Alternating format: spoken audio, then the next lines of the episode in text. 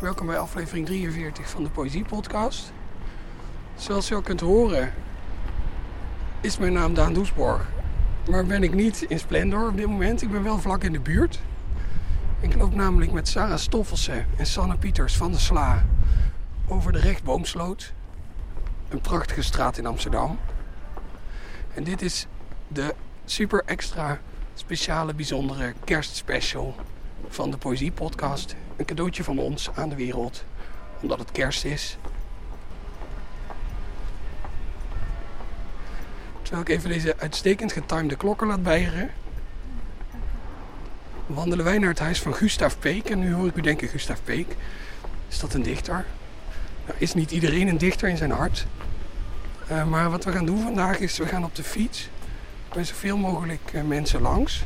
Schrijvers, dichters, uitgevers, iedereen die leuk is en die misschien ook wel iets leuks over poëzie kan vertellen. We hebben glühwein mee, dus waarschijnlijk worden we langzaam steeds dronkener. En wordt deze aflevering ietsje luchtiger dan u uh, gewend bent. Maar evengoed gaan we het uh, superveel over poëzie hebben. Hey Gustav, zullen we naar binnen gaan? Ja. Misschien beter hè? Mogen we binnenkomen eigenlijk? Nou, top. Hallo. Is het koud? Nee, het is helemaal niet koud. Eigenlijk. Hey, Hey Daan. hoe gaat ie? Kom, kom binnen. Ja, Dat, dat gaan we doen, dankjewel. Dank je, Stef. Hey. Hallo. Hoi. Bedankt. Geen probleem. Hi. Hi. Oh, het is hier heerlijk stil. Het is hier heerlijk stil. Oh. Gustav, wat leuk dat we bij jou op bezoek mogen komen. Nou, wat leuk dat jullie uh, langskomen. Jullie zijn zeer welkom. Wat vind je leuker, kerst of poëzie? Poëzie. Oké, no contest. Heb je een onbetwist favoriet gedicht? Oeh, dat is... eh nou ja, ik, ik, ik heb geen top 1, 2 of, of 3. Het, eh, het is maar net wat, wat me op dat moment uitkomt. Kijk, bijvoorbeeld de laatste tijd merk ik, ga ik eh, weer, weer veel terug, terug naar Allen, Allen Ginsberg. En dat, dat gedicht van hem, Kaddish, voor zijn moeder. Ja. Dat is zo eh, ontroerend en on- ongelooflijk. Nou, kijk, dat, dat, dat, dat is dan nu, nu weer even mijn favoriet. Maar ja. het zou zomaar kunnen zijn dat, dat ik volgende week wel weer een, een ander heb. Of over twee weken weer een ander. Dus zo gaat het een beetje. Ja, het lijkt me ook wel een heel gezonde houding. Ja, het lijkt me ook eerlijk gezegd ondoenlijk. Nee, en ja, om, om, om iets zo maniacaal. eh, er was ooit een verhaal dat een vrouw ooit was gearresteerd, vijf, 25 jaar geleden. Omdat ze Whitney Houston's I Will Always Love You elke dag eh, keihard draaide door het hele huis. Kijk, dan, dan kom je in die area als je Ja, te veel precies. gaat focussen. Ja. Ik zou het bijvoorbeeld zelf heel leuk vinden als jij een gedicht naar eigen keuze voor zou willen dragen in deze Tuurlijk. podcast. Alright, alright.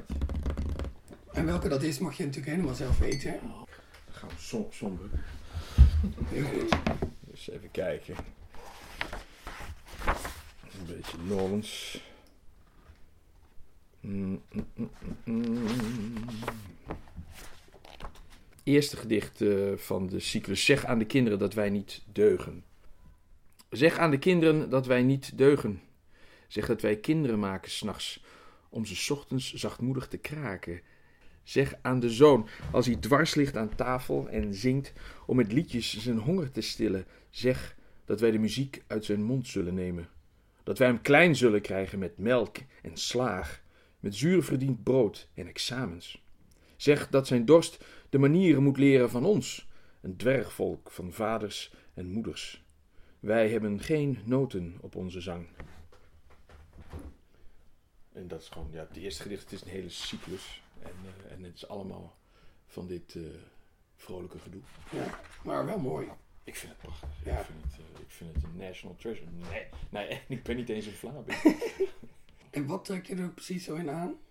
Het is, eh, hij is aan alle kanten, hoe zal ik het zeggen, poëticaal. Ik, ik denk dat het de man niet lukt om, om geen gedicht te schrijven.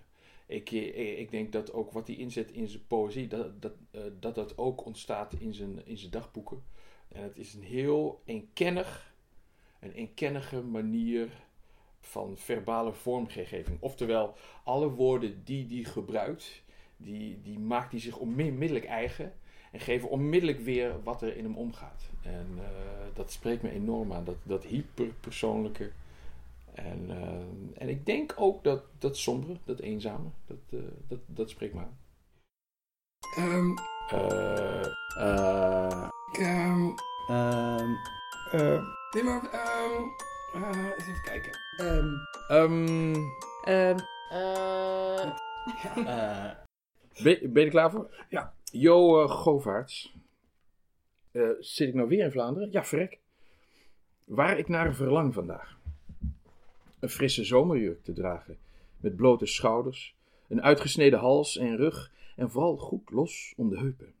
Waarmee ik dan de tuin inloop. De zon schijnt warm, maar de wind houdt het draaglijk en brengt de jurk in beweging. En dan ben er natuurlijk ook, die de jurk al even mooi vindt. En samen trekken we hem uit en hangen we hem aan een tak. En liggen te kijken in het gras naar zo'n frisse zomerjurk in een boom. Daar verlang ik het meest naar vandaag. En dat is dan weer heel vrolijk. Ja. kunnen Vlamingen beter schrijven dan Nederlanders? Ja, ja als, je, als je mij nu hoort, dan, eh, dan, dan zou je dat haast wel eh, denken. Wellicht heeft, eh, heeft het te maken met een bepaalde mate van dierbaarheid. Daar zit ik nu even over na te denken. Sommige dingen zijn me gewoon heel dierbaar. Die hebben mij geraakt op beslissende momenten. En dat zijn toevallig dan eh, Vlamingen. En, en dan ga je zoeken. En denk kijk, als je, als je gewoon opgroeit in Nederland, dan bestaat Vlaanderen amper. Zeg maar niet op de tv, niet in media. Eh, daar moet je zelf naar op zoek gaan. En als je dan iets ontdekt, dan ga je dat al gauw eh, eigen maken. Ik, als, en als ik ook heel eerlijk ben op een persoonlijk niveau, ik voel me altijd wel oké in Vlaanderen.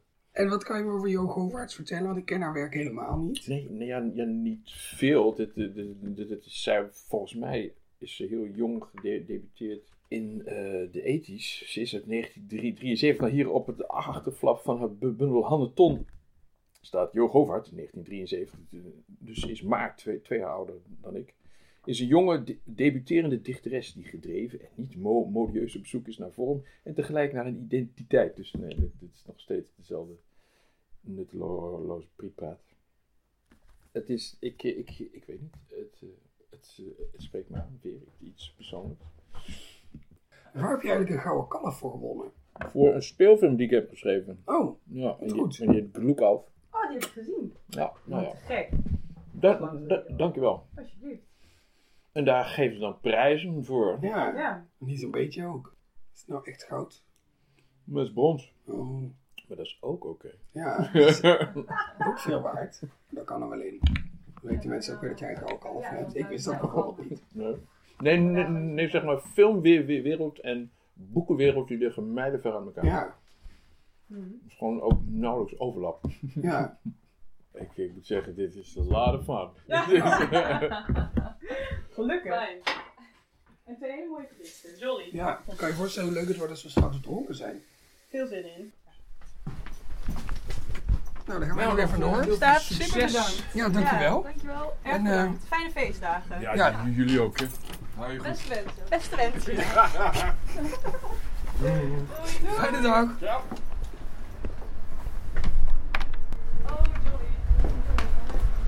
Zo, waar gaan we nu heen? Naar de, eh, waarbij geen nummer opgeschreven. Nee, maar dat weet ik wel ongeveer. En volgens mij is het een belstuk. Gaan we al verklappen wie een spel? Of laten we dat eh, totdat de deur open gaat? Tot de deur. Ja, dat wordt spannend. Zijn we te vroeg? Nee. Oh. Nou, we zijn hier op een geheim adres in het centrum van Amsterdam. Ik ga nu aanbellen bij... Het is nog een verrassing bij wie?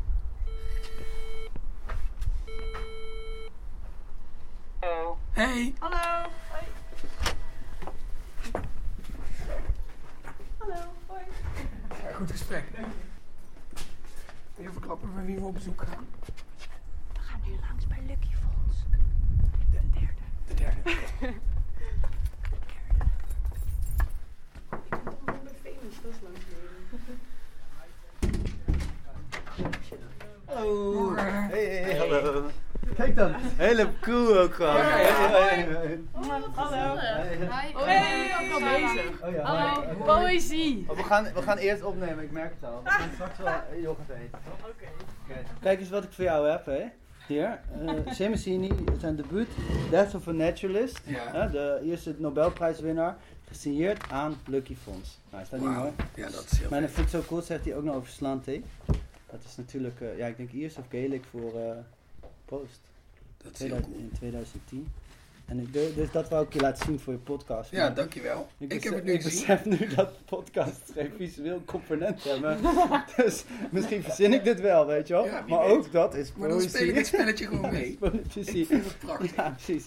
Maar ehm, ja, Oh, dan kan ik ook ook, doen. eh, ik heb hier ja. eh, Sylvia Plath gedichten meegenomen. En Ja. ja. ja, dat is dus heel vreemd, maar die schrijft ook aan mij. ja gesigneerd. Ook al allemaal. was ze eigenlijk al dood voordat ik geboren Ja. werd, heeft zij dus dat gesigneerd aan mij. En Op een gegeven moment ook een cyclus eh, over, eh, ja, eigenlijk, ja, eigenlijk gewoon over jou, weet je wel. Ja. Dat heette dan al na, noemden ze dat, maar iedereen Ja, Precies. En we dat wisten heb ik allemaal dus over wie dat ging. eh. Ja, Heel ja. doorzichtig. Allemaal Matthijs zijn. ja Jouw naam hebben we nog niet gezegd, heb ik nu gedaan. Professionele podcastmaker.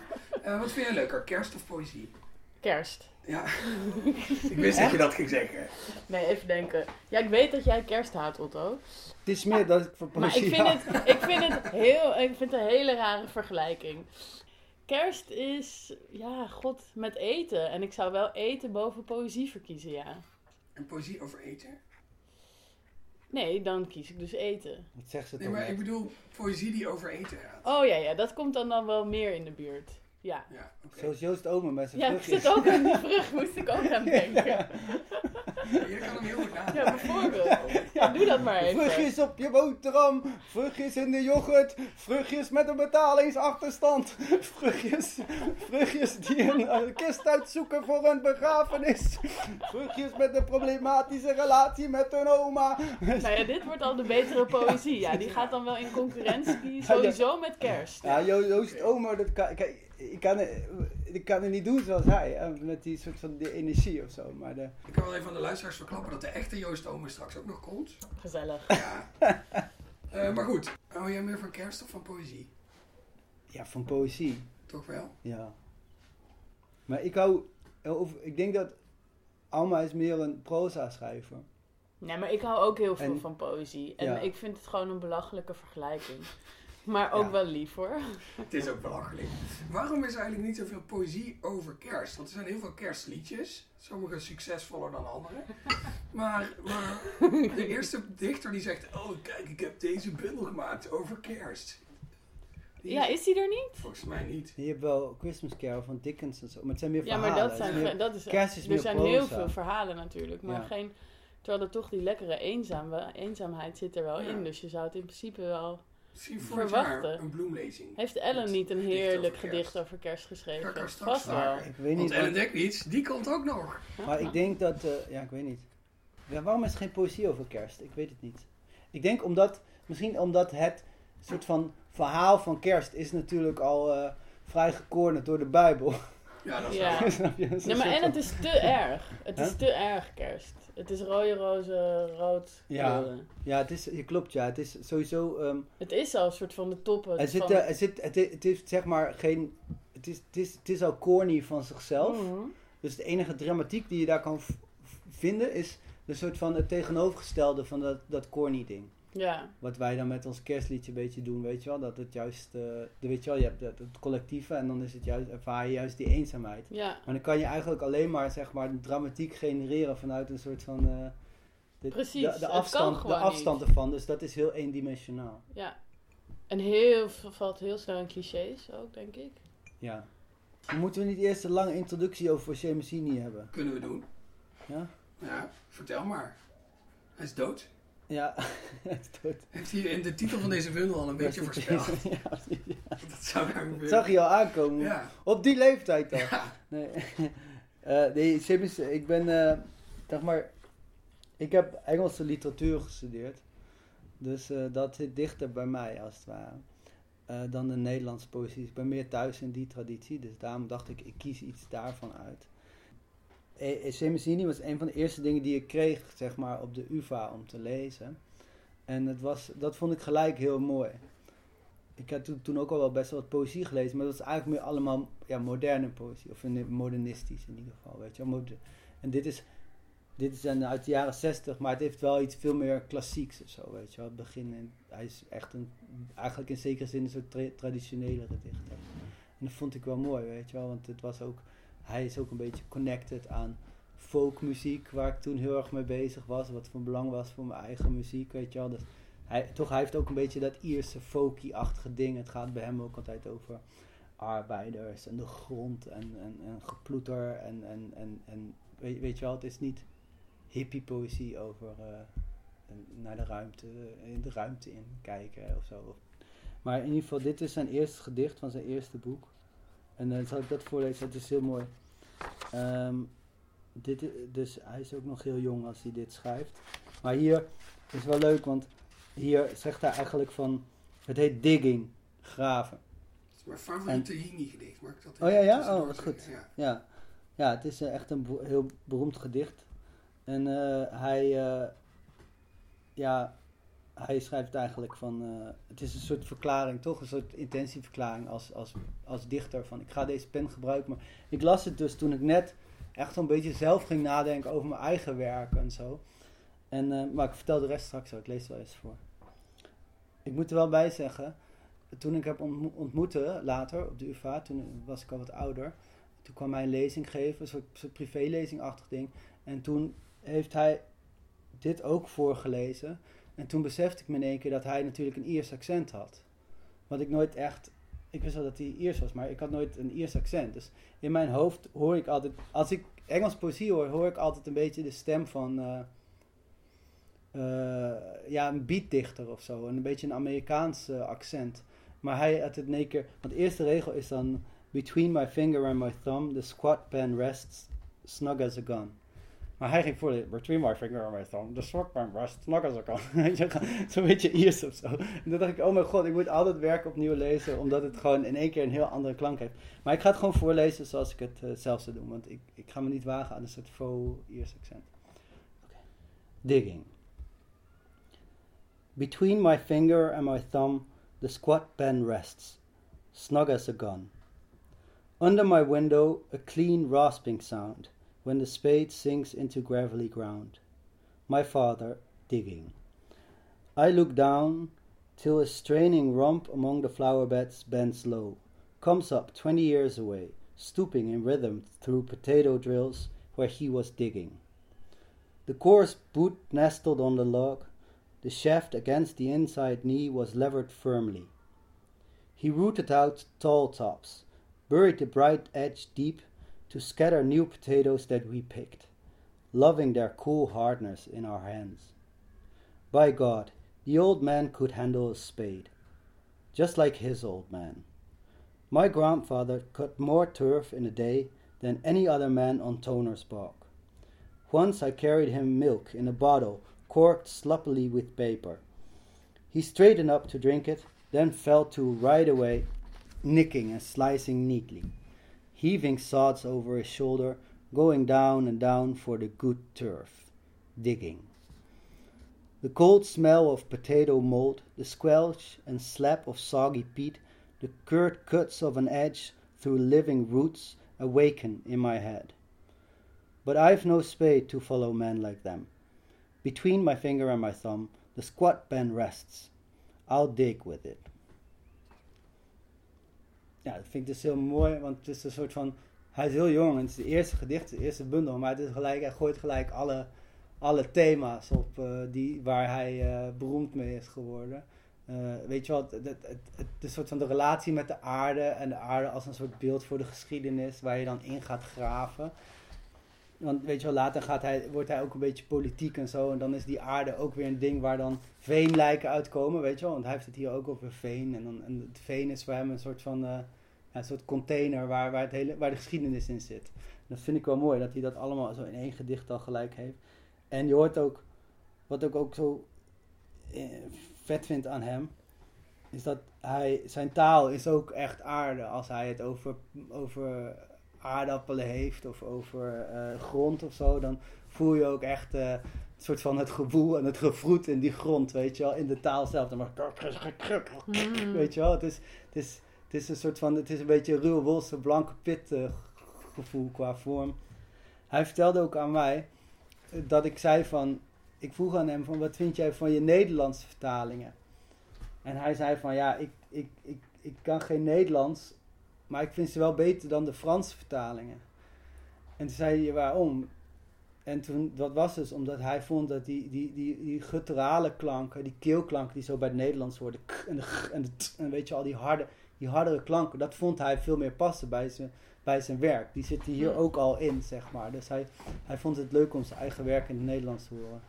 Ik heb geen Nederlandse vertaling hier. Maar wat ik ook wel leuk vind, dat wil ik ook nog zeggen over dit gedicht, is dat, dat het ook. Het is zeg maar, kijk, ik identificeer mezelf natuurlijk met hem als de dichter. Die een soort, ik lees dit op, dit is een soort intentieverklaring. En toen ik dit las, was ik zelf ook bezig met mijn intentieverklaring als een soort van, als een soort, als een singer-songwriter, maar ook als een soort dichter.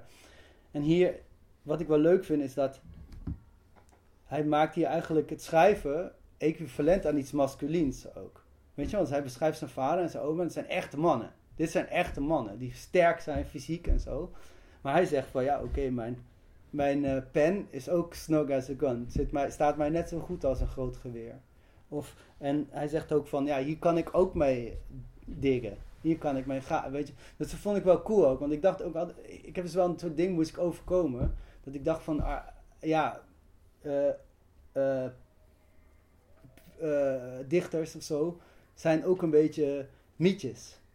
En ik gebruik het woord mietjes echt in, intentioneel ook, weet je wel. Als een soort van, als een soort van omdat het een scheldwoord is wat refereert aan niet-mannelijkheid, weet je wel. Aan dingen en zo. En dat waren dingen waar ik ook mee bezig was.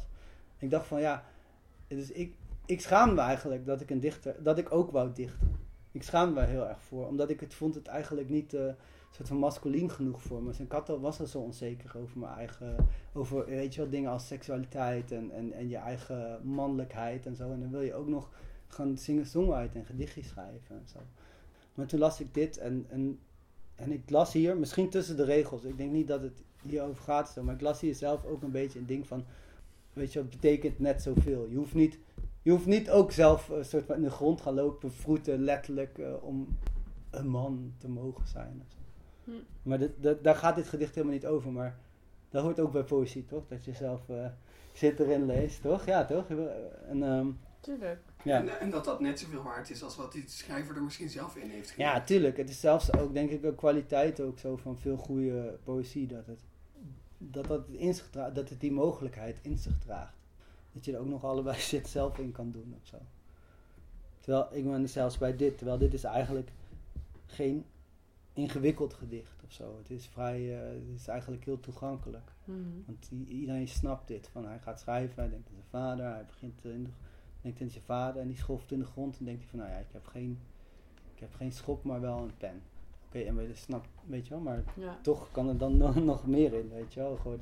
Dat was ook een big deal voor mij om hem te ontmoeten. Want het was ook voor mij een bevestiging van oké, kijk, hij is echt zo'n dichtergod, toch? Hij is Nobelprijswinnaar en iedereen is dol op zijn werk. En hij is ook, denk ik, veel gelezen. Wat ook niet voor alle goede dichters geldt. Hij is echt populair. Om, mensen lezen het ook daadwerkelijk. En dan dacht ik van, toen, en het- ik zat met hem in gewoon een kroeg op het spui. En denk ik van, oh ja, het le- leeft niet in een andere wereld. En dat is ook voor, ik weet niet of jij dat ook wel eens gehad hebt, maar dat je denkt van, ik had vroeger altijd het idee van, je hebt goede artiesten en die leven dan in een soort van... Helemaal in- afgesloten ja, in een, soort, in een soort apart universum waarin zij zijn geboren en ik heb daar geen toegang toe of zo. Maar als je samen in de kroeg zit, dan kan je weten van, dan weet je van, oké, Ja, wacht even, weet- wij zijn hier echt wel in hetzelfde ruimtijd-continuum op zijn minst. En dan, dan- snap je, en dan, en dan, dat was heel, heel, maar dat was heel bevrijdend voor me. Ja. Nee, ze hebben ook pijntjes en dingen. En, en- Ja, ja, ja. maar had je heel ook niet zo'n moment dat je denkt van, Nou, ik had dat heel erg met eh Connie Palme. ja, ik kan me, voor, ja, nee, ik kan me voorstellen, ja, tuurlijk, het is ook een beetje een icoon. Ja, Zo maar iemand- vooral, ja. ja. Mag dat verhaal vertellen? Voor mij wel. Toch? Ik ga het verhaal vertellen. Eh, ik had een, eh, eh, een avond georganiseerd samen met de SLA en bij Bonne Rijn thuis. Ja, En toen kwam Connie, hadden we gevraagd of zij ook wilde optreden. ja, En ik be- ben al heel lang, vind haar wel alles wat zij schrijft echt prachtig. En jij zegt het, magnifiek. En toen kwam zij. En dat huis van Bonne, dat is best wel oud en zo. ja, En toen eh, stond ik een beetje met haar te praten. Nog voordat er alles moest gaan gebeuren. En ineens dondert die lamp, een hele grote glazen lamp, die valt van het plafond af. Maar echt op 10 centimeter afstand van Connie. En Connie die springt al op als een soort hert. En is Ja, in, echt in één seconde in een andere kamer. En ik verstijfd. Ik bleef helemaal op mijn plek staan. En dat was een soort van... Ja, we hadden gewoon bijna Connie vermoord. Ja. Eigenlijk, basically, was wat Ja. daar aan de hand was. Ja. En toen werd ze wel even heel menselijk. Dat ik dacht van, oh Ja, ja, ja, misschien... Ja, precies, dit gaat wel echt mis. Je dacht van, als ik haar kan vermoorden, dan kan ik ook in hetzelfde pantheon staan, vroeg of laat. Oh mijn Eventueel. god. Nou, ik, ik, ho- ik hoop niet dat dat de achterliggende gedachte was. Dat is wel een beetje de samenvatting. Misschien, als we heel, heel erg naar het Freudiaanse gaan Ja. leunen, dan, Ja. dan, dan wel, ja. Ja. Ja. Ja, Ik, ja, ik, ja. ja, dat is toch wat je wil, je helden vermoorden. ja, maar dat, ik heb daar helemaal niks mee. Ik vind dat zoiets raars eigenlijk.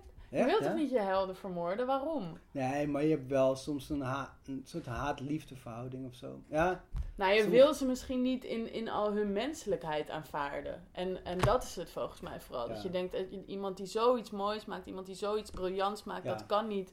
Dat kan een mens niet hebben gedaan of zoiets. En Ja. dan als je gewoon iemand ziet en er valt een lamp bijna stuk op iemand, dan Ja. wordt iemand ineens gewoon heel menselijk. En als zij niet goed gesprongen had, dan weet je wel. nee, maar het gaat, en het gaat natuurlijk ook om dat je zelf, als je haar menselijkheid erkent, dan moet je ook jezelf, je, dan, dan denk je, Ja, dan, denk je dat zelf, ding. dan denk je, ik, dan heb ik zelf ook een verplichting om Ja. eh, goed te zijn, zeg Ja. maar. Want Ja. het is natuurlijk ook de makkelijke weg om te denken van, ja, ik ben nu helemaal geen... eh, Precies, want dan is het voor jezelf makkelijk. Oh ja, dan maakt het niet zo Ja, uit precies, dat het ja, zo goed kijk, is. dat is- Want ja, ja, ik ben toch niet... eh, ja, precies. Dus die van zeker- Godin ja, als ja, Connie. precies, ja, precies.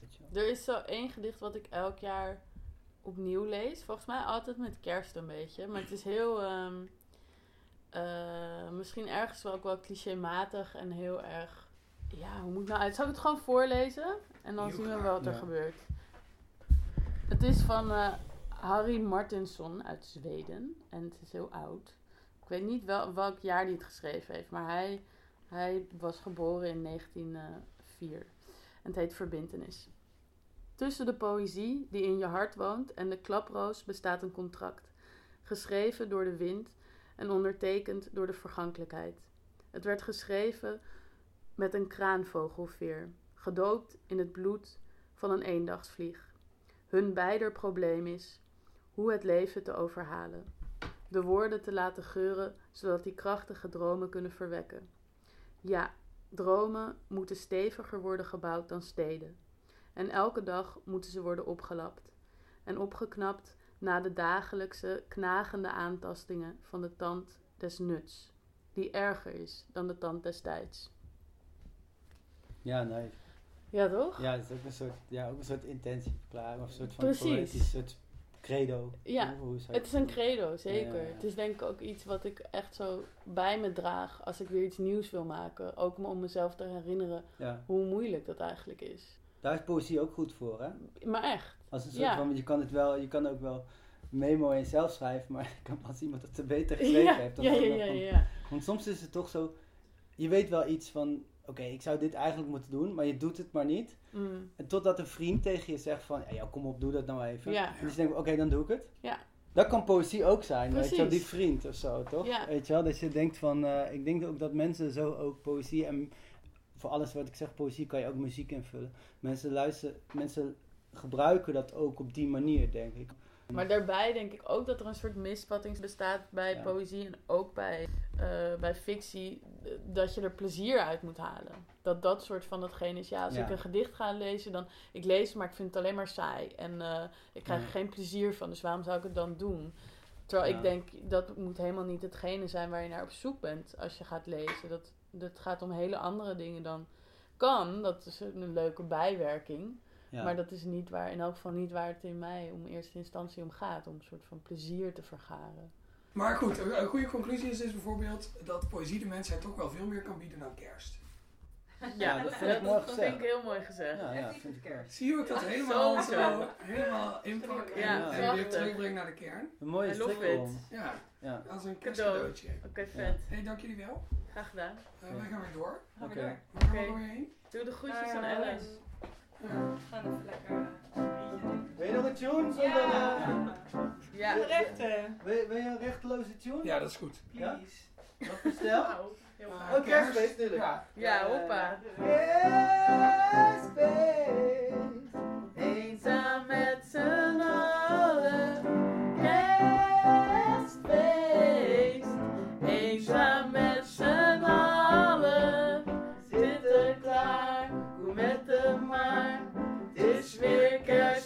vorig jaar. Oma zegt, je wordt al groot. Familiefeest en ik wil dood. Kerstfeest, eenzaam met z'n allen. Kerstfeest. Personen. Oh, gemiddelde personen. Oh, dit is zo flauw, jongen. Joost, niet doorheen lachen.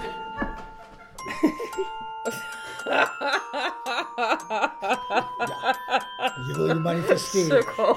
Je wil je manifesteren. Oké, ja, ja. Ja, zo grappig. Nee.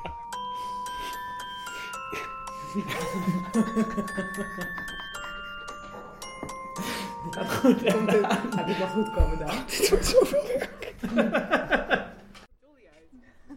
Zo, dit is weer aan. Dit is weer aan. Ja, mooi als het zijn. Hoi, we hebben een afspraak met Michel Krielaars. Ja, dank u wel.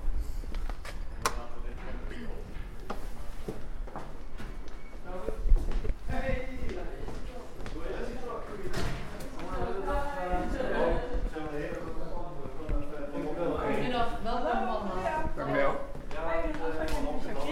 Heel leuk. Nou, hè? Jullie er zijn. Ja. Welkom. Mag ik jullie namen noteren? ja, mijn naam is Sanne Pieters. Sanne, En Daan Doesborg. Daan En Sarah. en Sarah met een H op het eind? Met een H. Ja. Oké, dank jullie wel. Ik ga Michel voor jullie bellen. Top, dank u wel. Kom verder. Meneer Krielaars, Het hallo. hele podcastteam. Ja, Jeetje, wat een grote groep mensen. ja. Oh, wacht even. Kom, kom, kom Ja, verder. Michel Edaars, hallo. Dag, ik ben Sanne. Dag, welkom. Hallo. Jeetje, gaan we uren praten wel. Nou, Hartelijk nee, hoor. welkom, Michel Edaars. Ehm, Niet heel lang. Nee, niet heel sorry, sorry. Ik deze komen we nooit aan moeten wezen.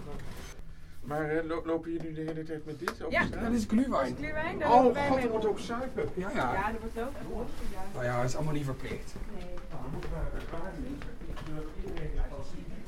Eerst hier deze hoek in. Oh ja. We moeten weer iemand langs. Eh, Kom maar verder. Oh, je, we, we doen, we doen gewoon eerst een Ik sta in de weg namelijk. Even een hand zwaaien. Zo, hier is het. Hier is het. Dit is een vergaderhok. Ja, zo zit het ook. hè. Zodat iedereen kan zien waar je mee bezig bent. Ziet Oh, hij ja. de zogenaamde transparant gebouw. Ja. Oh ja. Ik vind het leuk om hier een keer Ik ook. Zijn jullie nog nooit geweest? Nee. Nee. Nou, bedankt dat we op bezoek mochten komen hier. Hartelijk welkom. In het eh, kloppende hart van de NRC-redactie. Het is wel een beetje een soort, soort hart, dit, dit kamertje. Het is een, eh, een hangend aquarium. Ik vergelijk het altijd met de hut van een kraandrijver op zo'n hoge hijskraan. Die vanuit hier eh, de hele redactie moet kunnen besturen. Ik dacht eigenlijk dat het de kamer van de hoofdredacteur had moeten zijn. Die af en toe door een raam kon schreeuwen van... Jongens, sneller, zaktijd nadert! Maar het is nooit gebeurd. Oh, jammer. Maar de, de ramen kunnen wel open Die ramen kunnen Oh, open. ja. En je kunt erdoor schreeuwen. Het is er wel op berekend. Ja, maar het is meestal heel erg koud hier. Maar je kunt wel, dit is een zogenaamd transparant gebouw. Hè, dat we eh, open zijn en kunnen zien waar iedereen mee bezig is, min of meer. En dat is de gedachte van de architect. Nou, dat is zeker geslaagd. kun je noemen. Terwijl je soms ontzettend de zin hebt om je hier af te zonderen Ja. van je collega's. Om een gedicht te lezen of een boek te lezen. Stiekem Doe je dat vaak? Een enkele keer. Maar ik ga dan meestal eh, op, op, er zijn nog veel kleinere kamers hier waar je je wel kunt terugtrekken soms. En hoekjes waar je je in kunt verstoppen. Want soms heb je natuurlijk altijd even genoeg van de madding crowd. En we- en welke poëzie lees je dan graag? Wat, wat heb je favorieten? Ik heb helemaal geen favorieten, want ik ben, zoals ik al zei, van, ik ben helemaal geen groot kenner, maar ik lees het graag. En ik ben zelf heel erg in de Russische literatuur, dus ik, ken, ik, ik, ik lees af en toe in het Russisch, probeer ik eh Pushkin te lezen, omdat ik dat zo ontzettend knap vind. Dat is allemaal heel klassiek, keurige rijmschema's. Ik heb Anna Achmatov, ik heb laatst een gedicht van eh Afsik Mandelstam gelezen. Dat, dat rijmt helemaal niet. Of Jozef Brodsky, dat zijn vaak thema's uit de klassieke oudheid, maar die toch zo mooi geformuleerd zijn dat je wordt meegenomen in hun eh, belevingswereld. En ik heb van Sinterklaas eh, de uh, debuutbundel van Iduna Paalman gekregen. En daar ben ik heel nieuwsgierig naar, want ik heb wat losse gedichten van haar gelezen en daar was ik zeer van onder de indruk.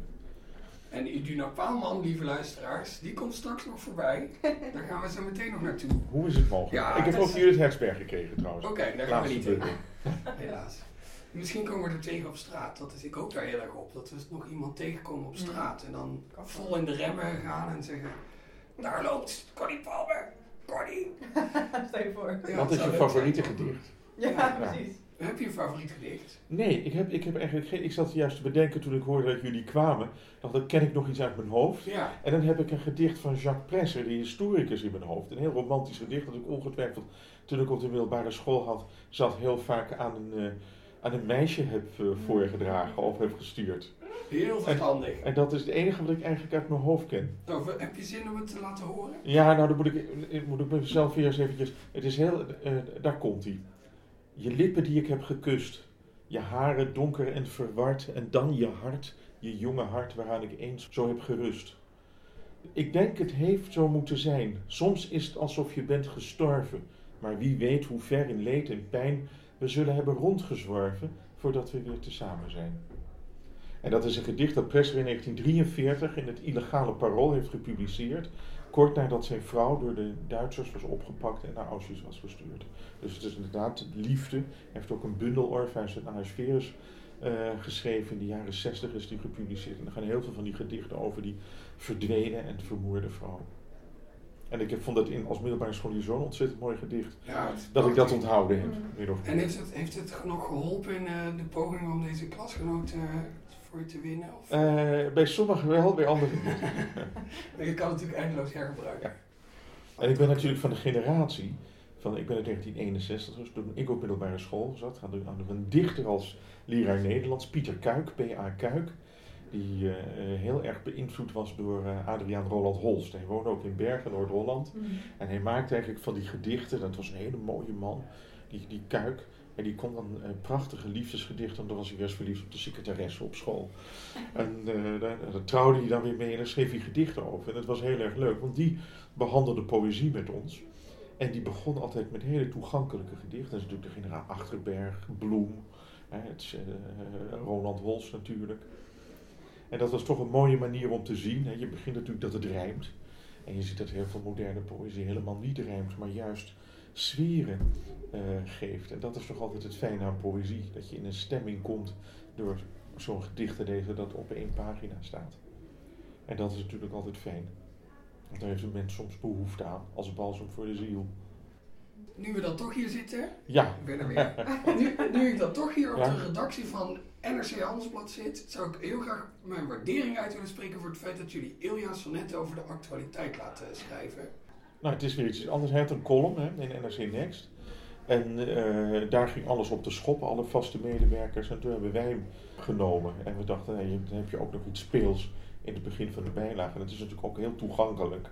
Het, is, het is een sonnet, het is allemaal keurig eh, via de, eh, het sonnetten rijmschema. Maar het is altijd geestig, het heeft altijd een leuke kwinkslag. En daarna krijg je allemaal hele serieuze, lange recensies.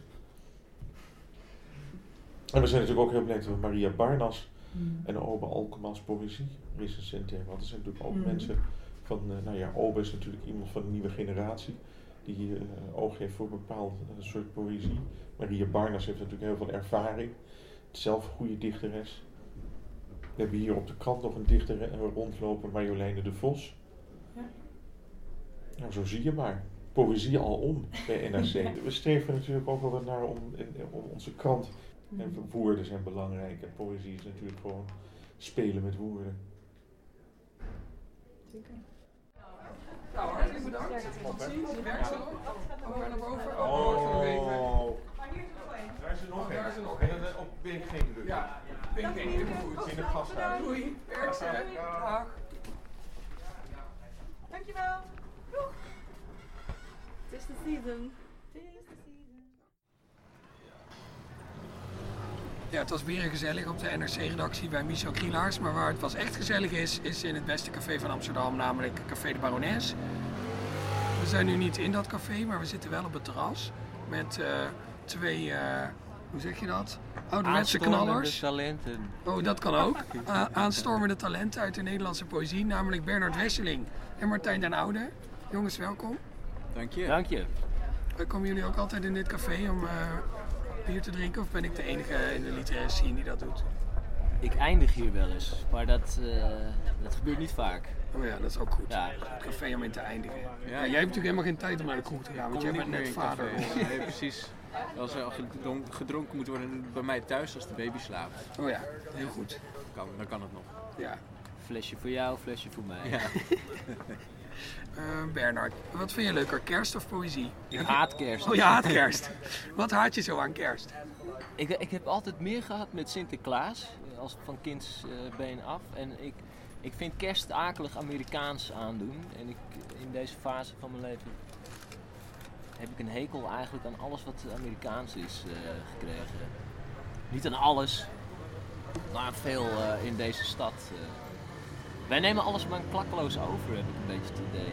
Dus, eh, feesten. En, eh, je we hebben toch ook een, prachtig eh, feest dat heet Sint Maarten. Of ook wel Sintere Maarten in Noord. En nu doen we ook ineens een Halloween. En volgens mij is het dan typisch dat je bij Sint Maarten moeten de kinderen zingen, liedjes zingen om aan hun snoei te komen. Maar de- bij Halloween hoeven ze zich alleen maar maf te verkleden en te staan wachten op het snaai. En volgens mij is dat een eh, wezenlijk cultuurverschil misschien wel. Ja, dat is waar. Dus dan kun je het maar beter over poëzie hebben. dat was even de straffe mening, hè? Maar hou je dan ook niet van Amerikaanse poëzie? Oeh, dan moet ik eerlijk zeggen dat ik daar... Dat, dat lees ik bijna niet. Oh, nou ja, prima toch? Ik lees wel veel Amerikaans spul.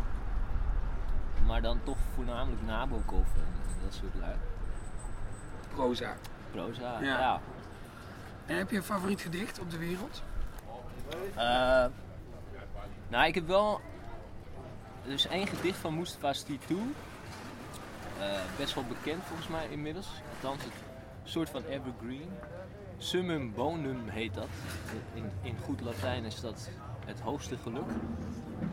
En dat, dat is wel een soort gedicht dat voor mij perfectie eh, benadert. Het allermooiste ja, wat een gedicht kan zijn. Ken je toevallig uit je hoofd? Nee. Oh, dat is jammer. Zijn er wel andere gedichten die je uit je hoofd kent? Ja, ik, ik ken een beetje Shakespeare. Oh, dat is altijd leuk. Alleen mijn accent is wel verschrikkelijk Amerikaans. Gaan we weer. ik, ben, ik ben opgegroeid eh, met een dieet van MTV. Dus, eh. Maar ik ken een stukje Macbeth. Het is natuurlijk weer eh, eh, duisternis troef. Hè? Ik, ik weet niet of je het kent. Maar het is de meest bekende speech. Uh, tomorrow and tomorrow and tomorrow creeps in this petty pace from day to day till the last syllable of recorded time. And all our yesterdays have lighted fools their way to dusty death. Out, out, brief candle!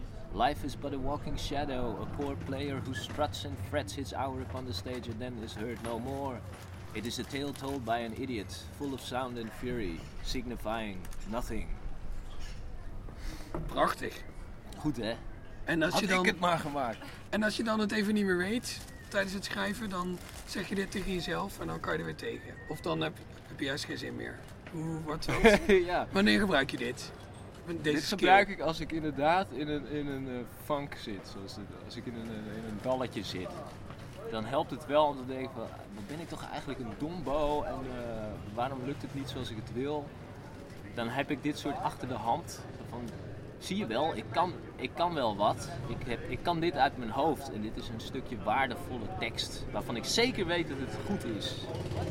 Zoiets, zoiets, een soort buffer. eh, Ja. ja. Heb jij ook van die buffers, Martijn? Oh, wacht, de kat daar voorbij, even wachten.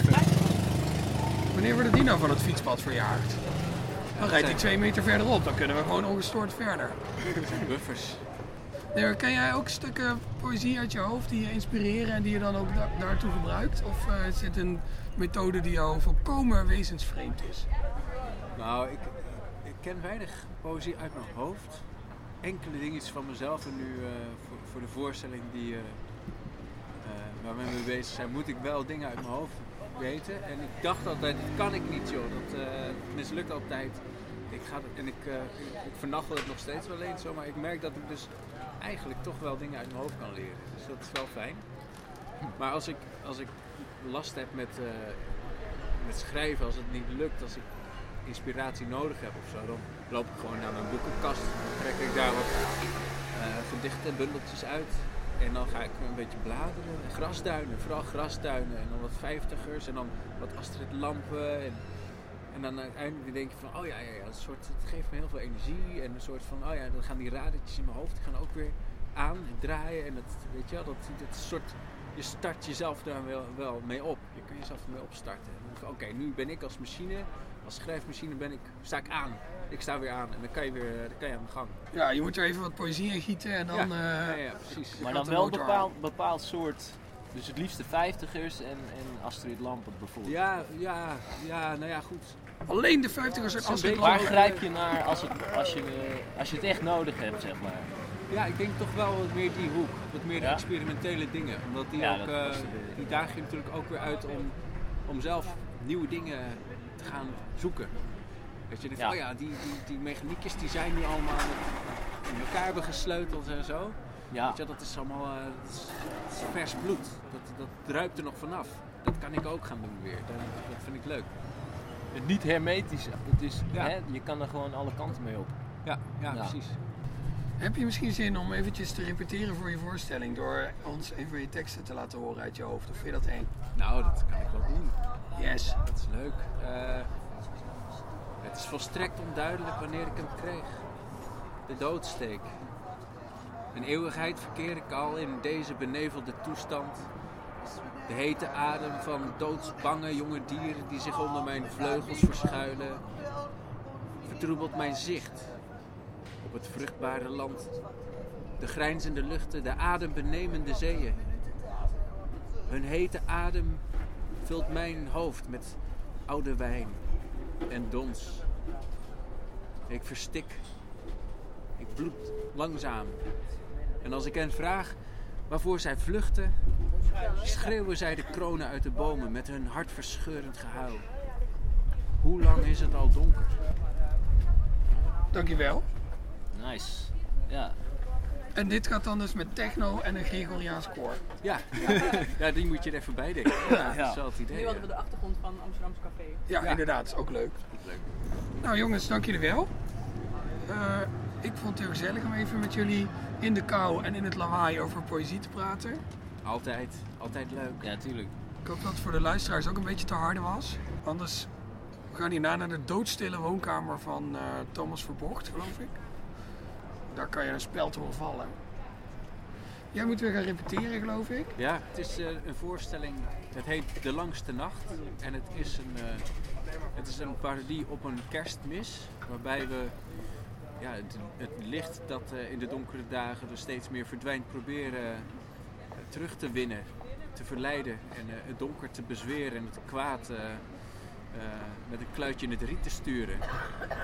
Dat is een beetje, eh, ja. En dat dan door een hele rieten uit te voeren met een, een koor dat om de as draait en eh, allerlei toestanden. En als mensen dit luisteren op 23 december, kunnen ze er dan nog heen? Ja, dan kunnen ze er nog heen. Zeker weten. Ja, dan moet je even de website van eh Capelle Amsterdam of Project Wildeman eh, bekijken. Maar in ieder geval 3 januari spelen we nog.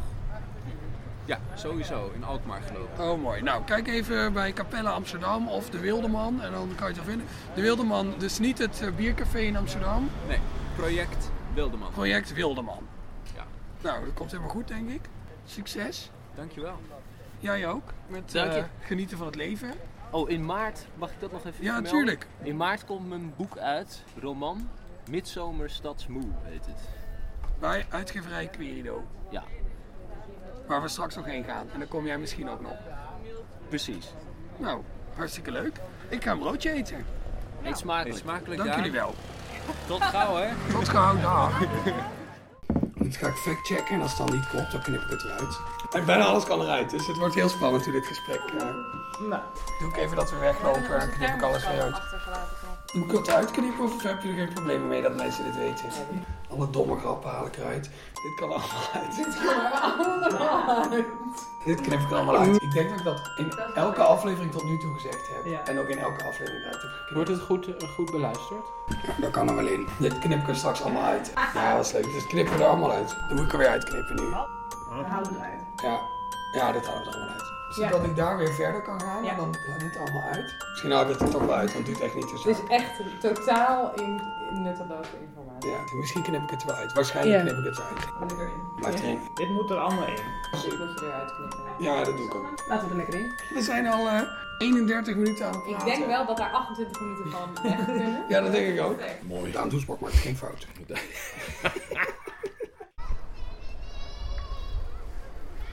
Nog maar een keer. Oké, Daan, waar zijn we? We staan op de hoek van de Keizersgracht en een andere straat die we niet bij naam gaan noemen. Want dan gaan alle stalkers van Oh Thomas ja. Verbocht Oh ja. uitzoeken waar we zijn. En dan gaan ze bij hem op bezoek. Eh, maar we zijn dus vlakbij het huis van Thomas Verbocht. Het is die kant op. Ja. Ja, en dit is afgesloten. hè? Ja, mooi. Ja. Ehm, hier moeten we in. Oh ja, dat kan nu. Die man stak zijn hand niet uit. Goed voorbeeld voor die 12 kinderen in zijn bakfiets. dat jij een hele brave fietser bent. Ik ben een hele brave fietser. vind ik leuk om te weten over mensen. Ik steek wel eens mijn... Oh, we zijn er al. Ben jij in het verkeer? Hoe zou Thomas Verbocht zijn in het verkeer? Ik hoop dat dit de goede bel is.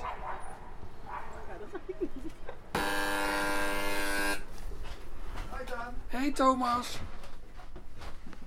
Oh, daar ben je. Hier ben Lopen we eens even naar de kamer, kom er zo aan. Ja, is goed. Kom maar naar binnen, ja. Ja. Thomas! Hoi, Hallo! Zo, hier moeten we naar binnen. Hallo. Zo. Hey, Hallo. hallo. Nou, Nou, wat leuk. Hi. Hallo. Dat is, is het van de sla dit? Ja. de Poëziepodcast is mede van de Hallo, hallo. Hi, oh, leuk je te zien weer. leuk om jou te zien. Hallo. Ja, dat, Oh, leuk je weer. Hoi. Ja, Hallo, hallo. Goed je weer te zien. Ja, Hey Thomas, hallo. ehm, eh, gaan we even hier zitten? Ja, wat je Ja, dat wil. Jullie hebben, ik, moet, is ik, moet ik een kopje koffie maken? Eh, nou, wil jij een glaasje glühwein? Want dat hebben we meegenomen. Een glaasje glühwein. Ja.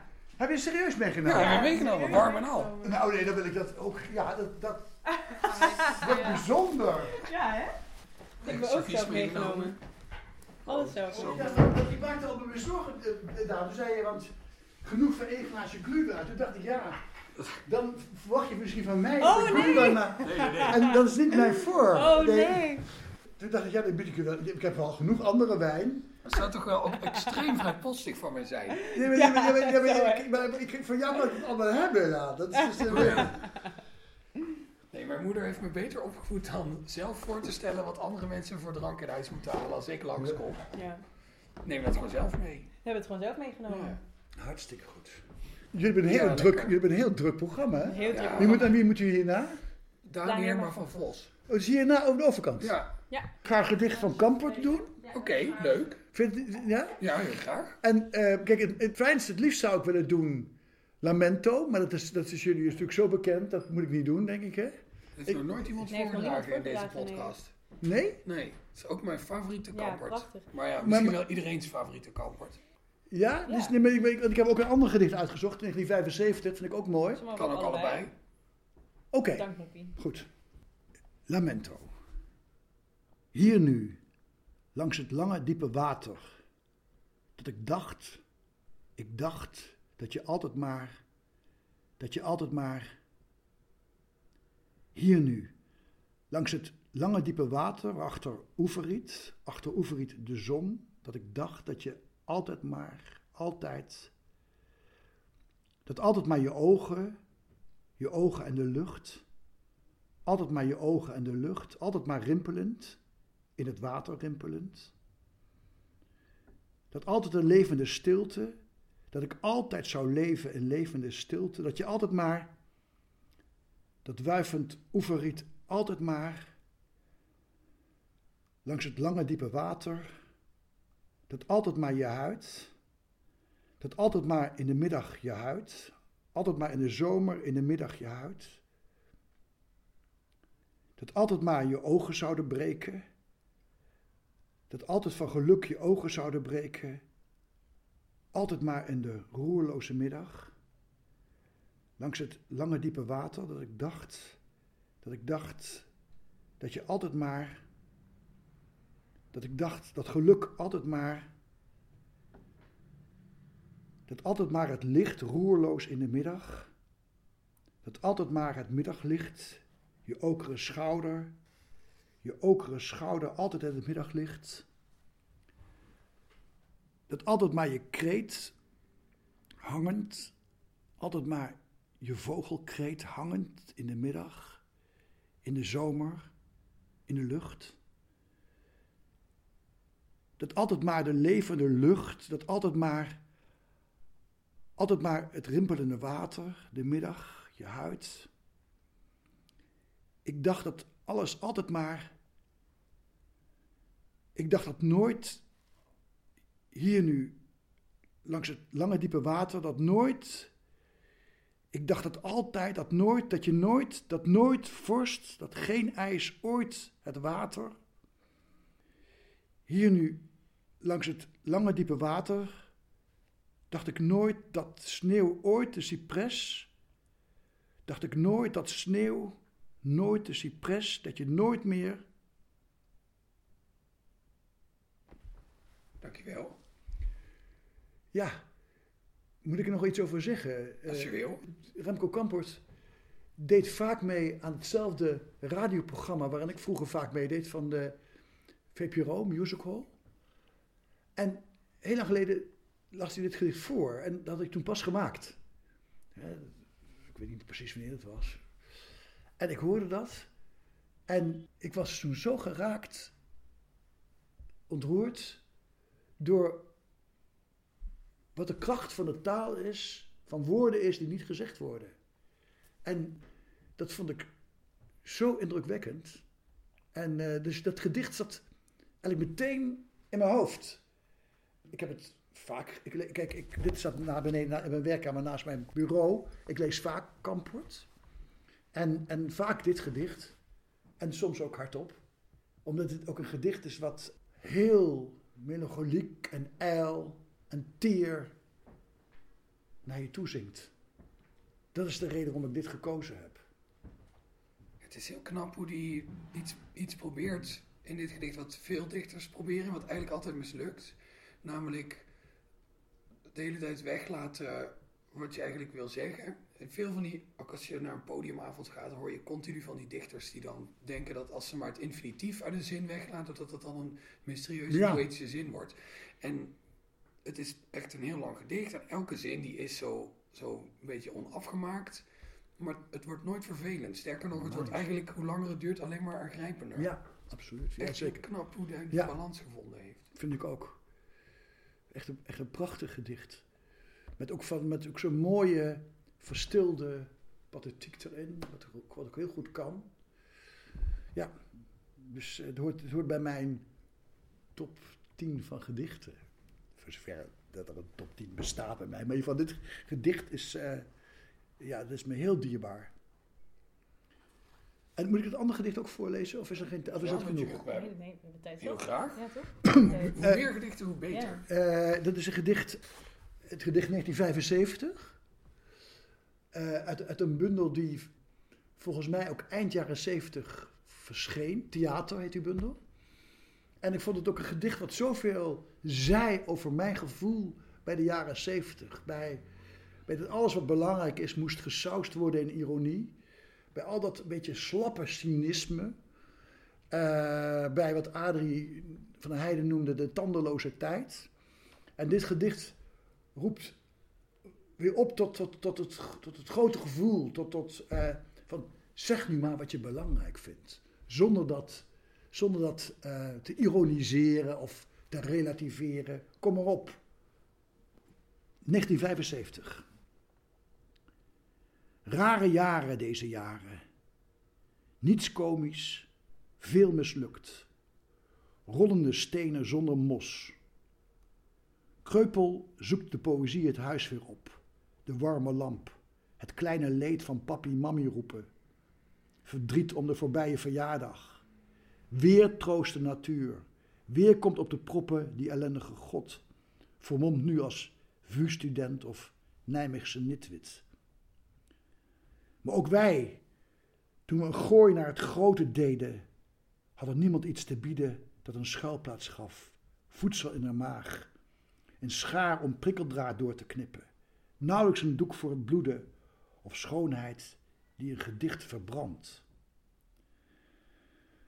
Verwilderd en besneeuwde vlaktes, woestijnen en muren gevangen, De kampen, kelders en kooien waar de ene mens de, de andere onmens wordt. Al die dromen, al die jaren. Steeds weer dat kind op het platgeblande station. Het hoge gillen in de kazerne. Waar je stem, die mooie vaas, werd stuk getrapt. En buiten de hekken de koude cameraman, altijd bezorgd om zijn materiaal. Schrijven die lullige luxe, waar ademen al een weelde is en eten je bordje leeg. De beste talenten aan de drank, aan de roem, aan de ijdelheid, aan de spuit of in het gesticht. Met een positie in een commissie of uit het raam gesprongen. Of geschrokken hokkend bij moeder de vrouw. Of zich verliezend in analyses, napalm van woorden over het vel van de taal. Ach, sla ons om de oren dat we wakker worden. Dat niet onze ontroering in klein geblaad verloren gaat. Dat we weer ons bed opnemen en zwerven met de bedeljongen, met de bedelmeid. Dankjewel. Graag gedaan. Met, met, eh, fijn om dat even voor jullie zo voor te lezen.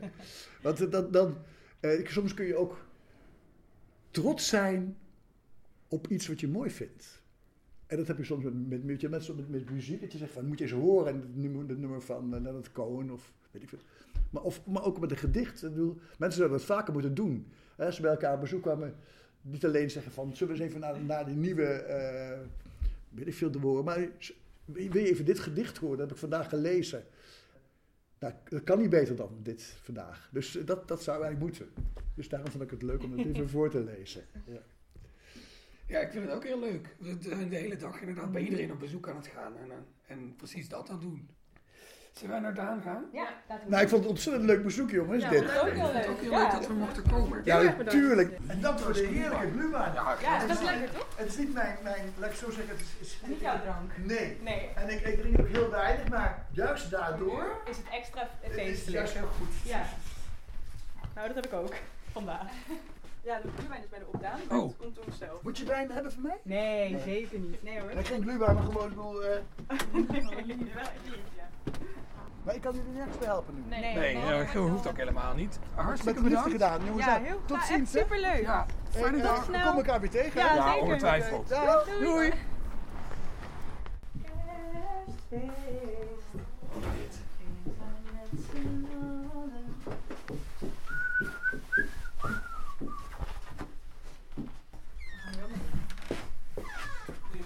Hoi, hallo. Hoi. Hallo. Hoi. Daan Heerma van Vos. Bedankt Welkom. dat we hier mochten komen. Leuk. Een glühwein mee. Ja, het is één groot feest. Eh, wat vind je leuker, kerst of poëzie? Eh, jeetje, dan noem je wel twee dingen waar ik niet... ehm, nee, eens even, even denken. Ja, leuk, leuker sowieso kerst. Ja. Het, ker- het enige wat, wat kerst is, is leuk. Het is ook saai. Het is ook deprimerend, maar ook leuk. Poëzie is eigenlijk alles behalve leuk. Het is mooi, pijnlijk, subliem, grappig, mooi. Maar leuk, dan heb je echt dan heb je niet goed op zitten letten, denk ik. Kun jij een poëzie noemen die je leuk vindt? Mm, Die je vaker dan één keer leest? Je hebt wel grappige, grappige haiku's, grappige Dr. Anders limericks. P, denk ik. Dat is leuk, ja. Hij heeft een Ja. hele leuk gedicht over, eh, dat is een slinkrijm. Dat, dat je dus elke keer een letter van de rijmklank afhaalt. Het publiek stond aandachtig te kijken. Het gebouw stond te branden als stro. Men rookte een checkje of mooie sigaar. Men dronk er een bier of quattro.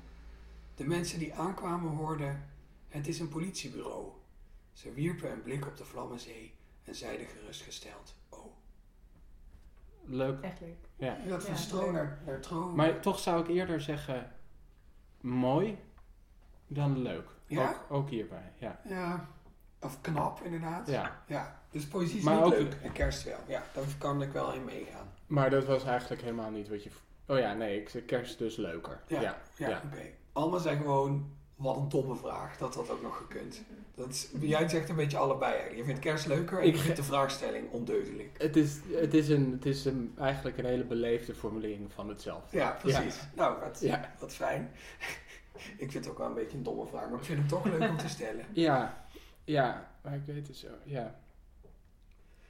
Volgende domme vraag. Oké, is het... eh, er ligt hier een poëziebundel op tafel. Is dat toeval of wilde je daar iets uit voorlezen graag? Ik dacht, als jullie me vragen om ergens over, over te praten, dan wil ik tenminste poëzie binnen handbereik hebben.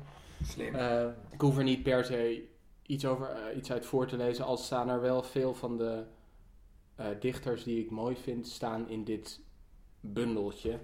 Harmse van Beek, Judith Hertzberg vind ik heel mooi, Vasalis vind ik mooi, Hanni Michelis vind ik mooi. Anne M. G. Schmid vind ik mo- mooi en ook soms leuk. Maar dat is een beetje de poëzie die ik lees. Eh, die ik zelf lees. Verder lu- luister ik eh, elke maand de eh, New Yorker Poetry Podcast. Maar daar is nooit een Nederlander bij. En daarvan weet ik ook nooit of het me primair gaat om dat ik poëzie hoor. Of dat ik het gewoon fijn vind dat iemand tegen me praat. Dat weet ik eigenlijk niet. Maar ja, dat is sowieso met podcasts wel zo. Dat weet ik eigenlijk niet Ja, waarom. Maar dat zijn mijn... zo luister ik eigenlijk... Luister en lees ik poëzie. En ik zit er een beetje over na te denken wat dan de gemene deler is. Dat weet ik niet zo goed. Ehm, er zijn heel veel dingen tussen mensen die onuitgesproken blijven. Altijd in liefde die wel werkt, liefde die niet werkt, in eenzaamheid. En, eh, dus allerlei woorden die blijven liggen tussen mensen in. En wat poëzie volgens mij beter kan dan de andere kunstvormen, ook beter dan romans, is die woorden oppakken. Dat soort poëzie, daar hou ik van. Eenvoudige poëzie, dat wil zeggen geen moeilijke woorden, geen rijmschema's die opvallen als rijmschema's.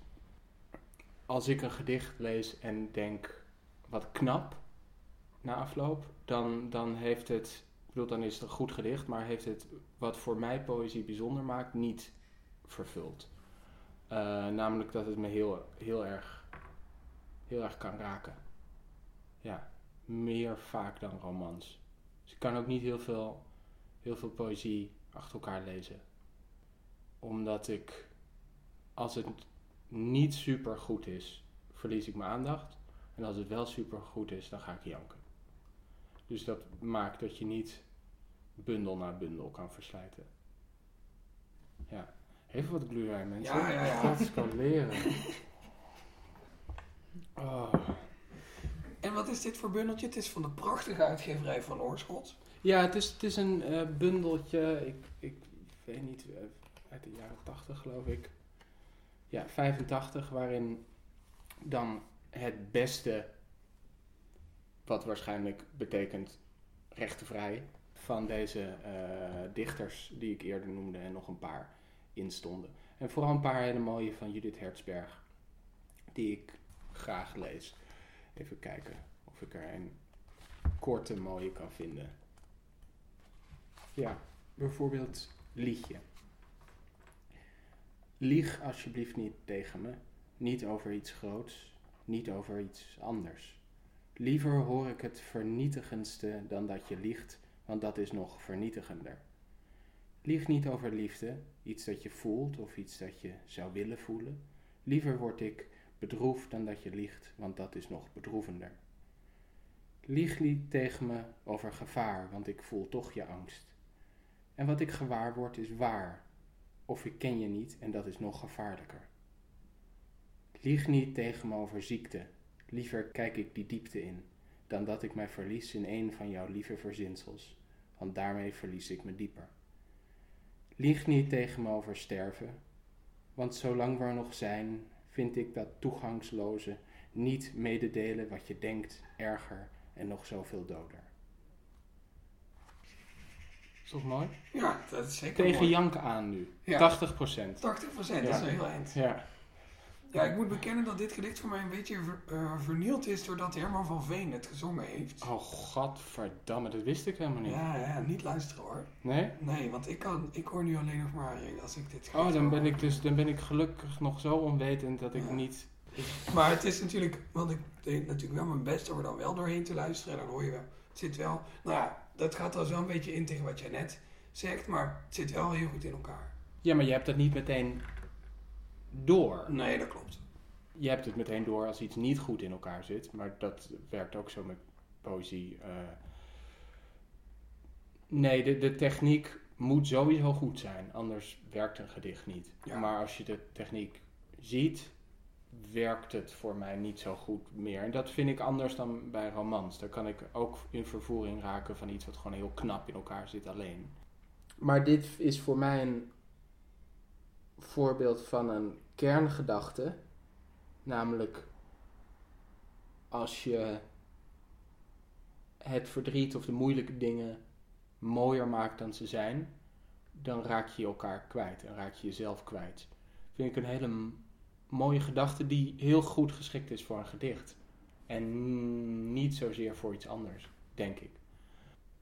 Maar ik moet eerlijk toegeven dat ik niet een enorme ve- veel lezer ben. Ik las vroeger wel veel eh, Amerikaanse en Britse poëzie. Ik vond T.S. Eliot heel mooi. Alles wat ging over vervreemding vond ik heel mooi. Maar dat was denk ik in een periode waarin ik daar heel erg op zoek was om daar woorden voor te vinden. En al lang blij was dat iemand anders dat deed. Eh, en nu vind ik meer poëzie over liefde mooier. Ik weet, ik weet niet precies waarom. Maar bijvoorbeeld poëzie die heel duidelijk een, een strakke vorm heeft die altijd hetzelfde is. Het sonnet vind ik heel problematisch. Ik kan niet so- sonnetten lezen. Eh, want dan weet ik al dat die vorm dus belangrijker is. Dat die vorm er eerder was dan, dan de gedachte of het idee. En dan verlies je mij al een klein beetje. Dit gesprek begint trouwens veel overeenkomsten te vertonen met een monoloog. Heb je dat door? Nou, ik probeer altijd zoveel mogelijk mijn mond te houden. Dat lukt. Dus eh, ehm, het- ik, ik zie dat dan altijd als een teken van succes. Oké. Maar eh, als jij dat vervelend Kan vindt, ook een kan ik teken ook zijn wel van meer, ongemak eh, van ja. de ander. Ja, dat is Ja. waar. Ja, jij vindt het ongemakkelijk, dit gesprek? Ehm, ik vind het een beetje ongemakkelijk om te praten over poëzie, omdat ik mezelf nou geen kenner vind, om het zacht gezegd. Ik vind dat iets. Ik heb het idee, wat is mijn mening nou waard over poëzie? Of mijn opvatting? Maar je hoeft natuurlijk geen kenner... te- Kijk, je leest wel poëzie en je voelt daar dingen bij. Dus dan... Ja, wat, wanneer is iemand een Ja, kenner? maar is dat, dan, is dat dan waardevoller dan als je dit zou vragen aan iemand die je op straat tegenkwam? Nee. Oké, waarom doe je dat dan niet? Nou, dat zouden we ook kunnen doen. Maar dan, ja goed, mensen op straat hebben wel vaak... Je moet maar net iemand op straat tegenkomen met smaak. Oké. Kan, kan, Ja, dit, is toch zo? kan dit de titel zijn van de podcast? Ja, is goed. Vind maar iemand op straat met smaak. Ja, maar dat is Ja. wel... Ja. Ja, maar hoe, we- hoe, hoe weet je dat? Dat- Ik bedoel, het, ga- het gaat erom dat, dat je als je met schrijvers praat, je ervan uitgaat dat die iets zinnigers te zeggen hebben dan de gemiddelde persoon. En in deze betwijfel ik of dat zo is. Maar jij zei meteen, komt wel goed en ik heb glühwein. Ja. Dus dan ben ik wel, dan Ja. ben ik wel aan boord. Ja, precies. Maar Ja, daarom, daarom is er enigszins ongemak als ik te lang praat. Ja, nee, precies. Nou, ik zal meer praten. Maar is het niet ook dat er lezen gewoon vrij weinig mensen poëzie? Dus de kans is vrij groot dat als je random mensen op straat aanspreekt, mensen zeggen ik heb niets met poëzie en ik lees het ook nooit. Ja, dat ook. Dat wordt gewoon best wel een saaie kerstreeks. En ik vind het ook een hele vermoeiende mening. Wat? Ik lees geen poëzie. Ja. Ja. Dus Waarom- daar wil ik waarom? niet aan beginnen. Omdat, Waarom, is dat een, waarom noem je dat een mening? ja, mening is misschien niet... Ik vind dat een vermoeiende houding. Dat wilde ik Waarom? zeggen. Vind je, vind je dat mensen zich er niet genoeg voor openstellen? Ik denk dat er voor iedereen een gedicht te bedenken is dat diegene raakt. Huh. En er zijn best wel veel mensen die hebben een soort beeld van poëzie in hun hoofd. Dat beeld trekken ze vervolgens breed over alle poëzie op de hele wereld. En, en, en daar hebben ze dan een afkeurend oordeel van, gebaseerd op een heel smal eh, deel van de daadwerkelijke poëzie. Ja. En dat vind ik, vind ik vervelend. Dat zou een leuke functie nog kunnen zijn van de podcast. Dat mensen dingen kunnen insturen, iets waar ze mee worstelen.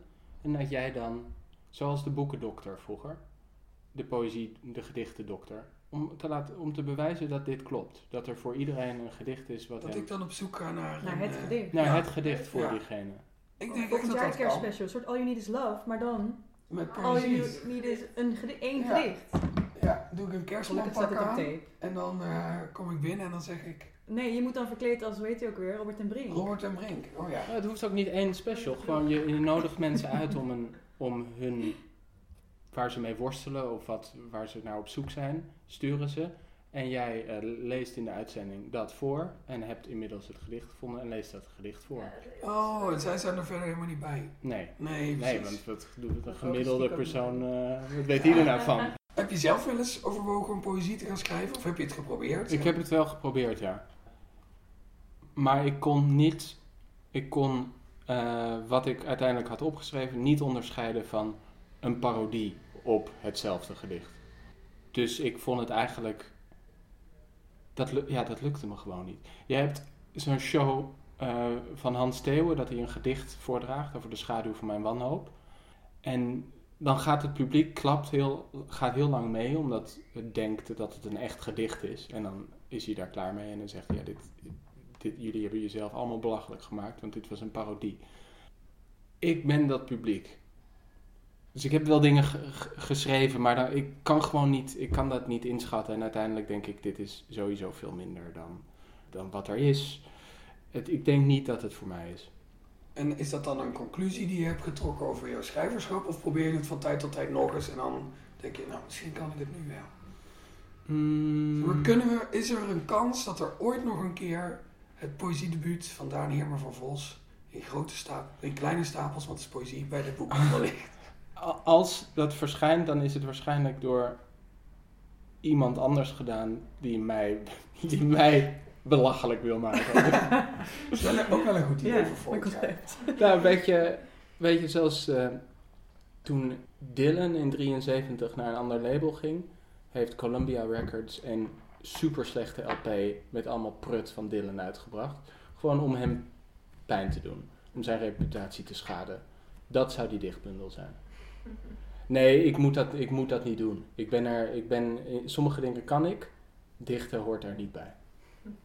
Helder. Ja. Eh, dankjewel voor dit gesprek. Jullie bedankt. Geniet nog even van je glühwein. Kunnen we hier een fles glühwein opwarmen?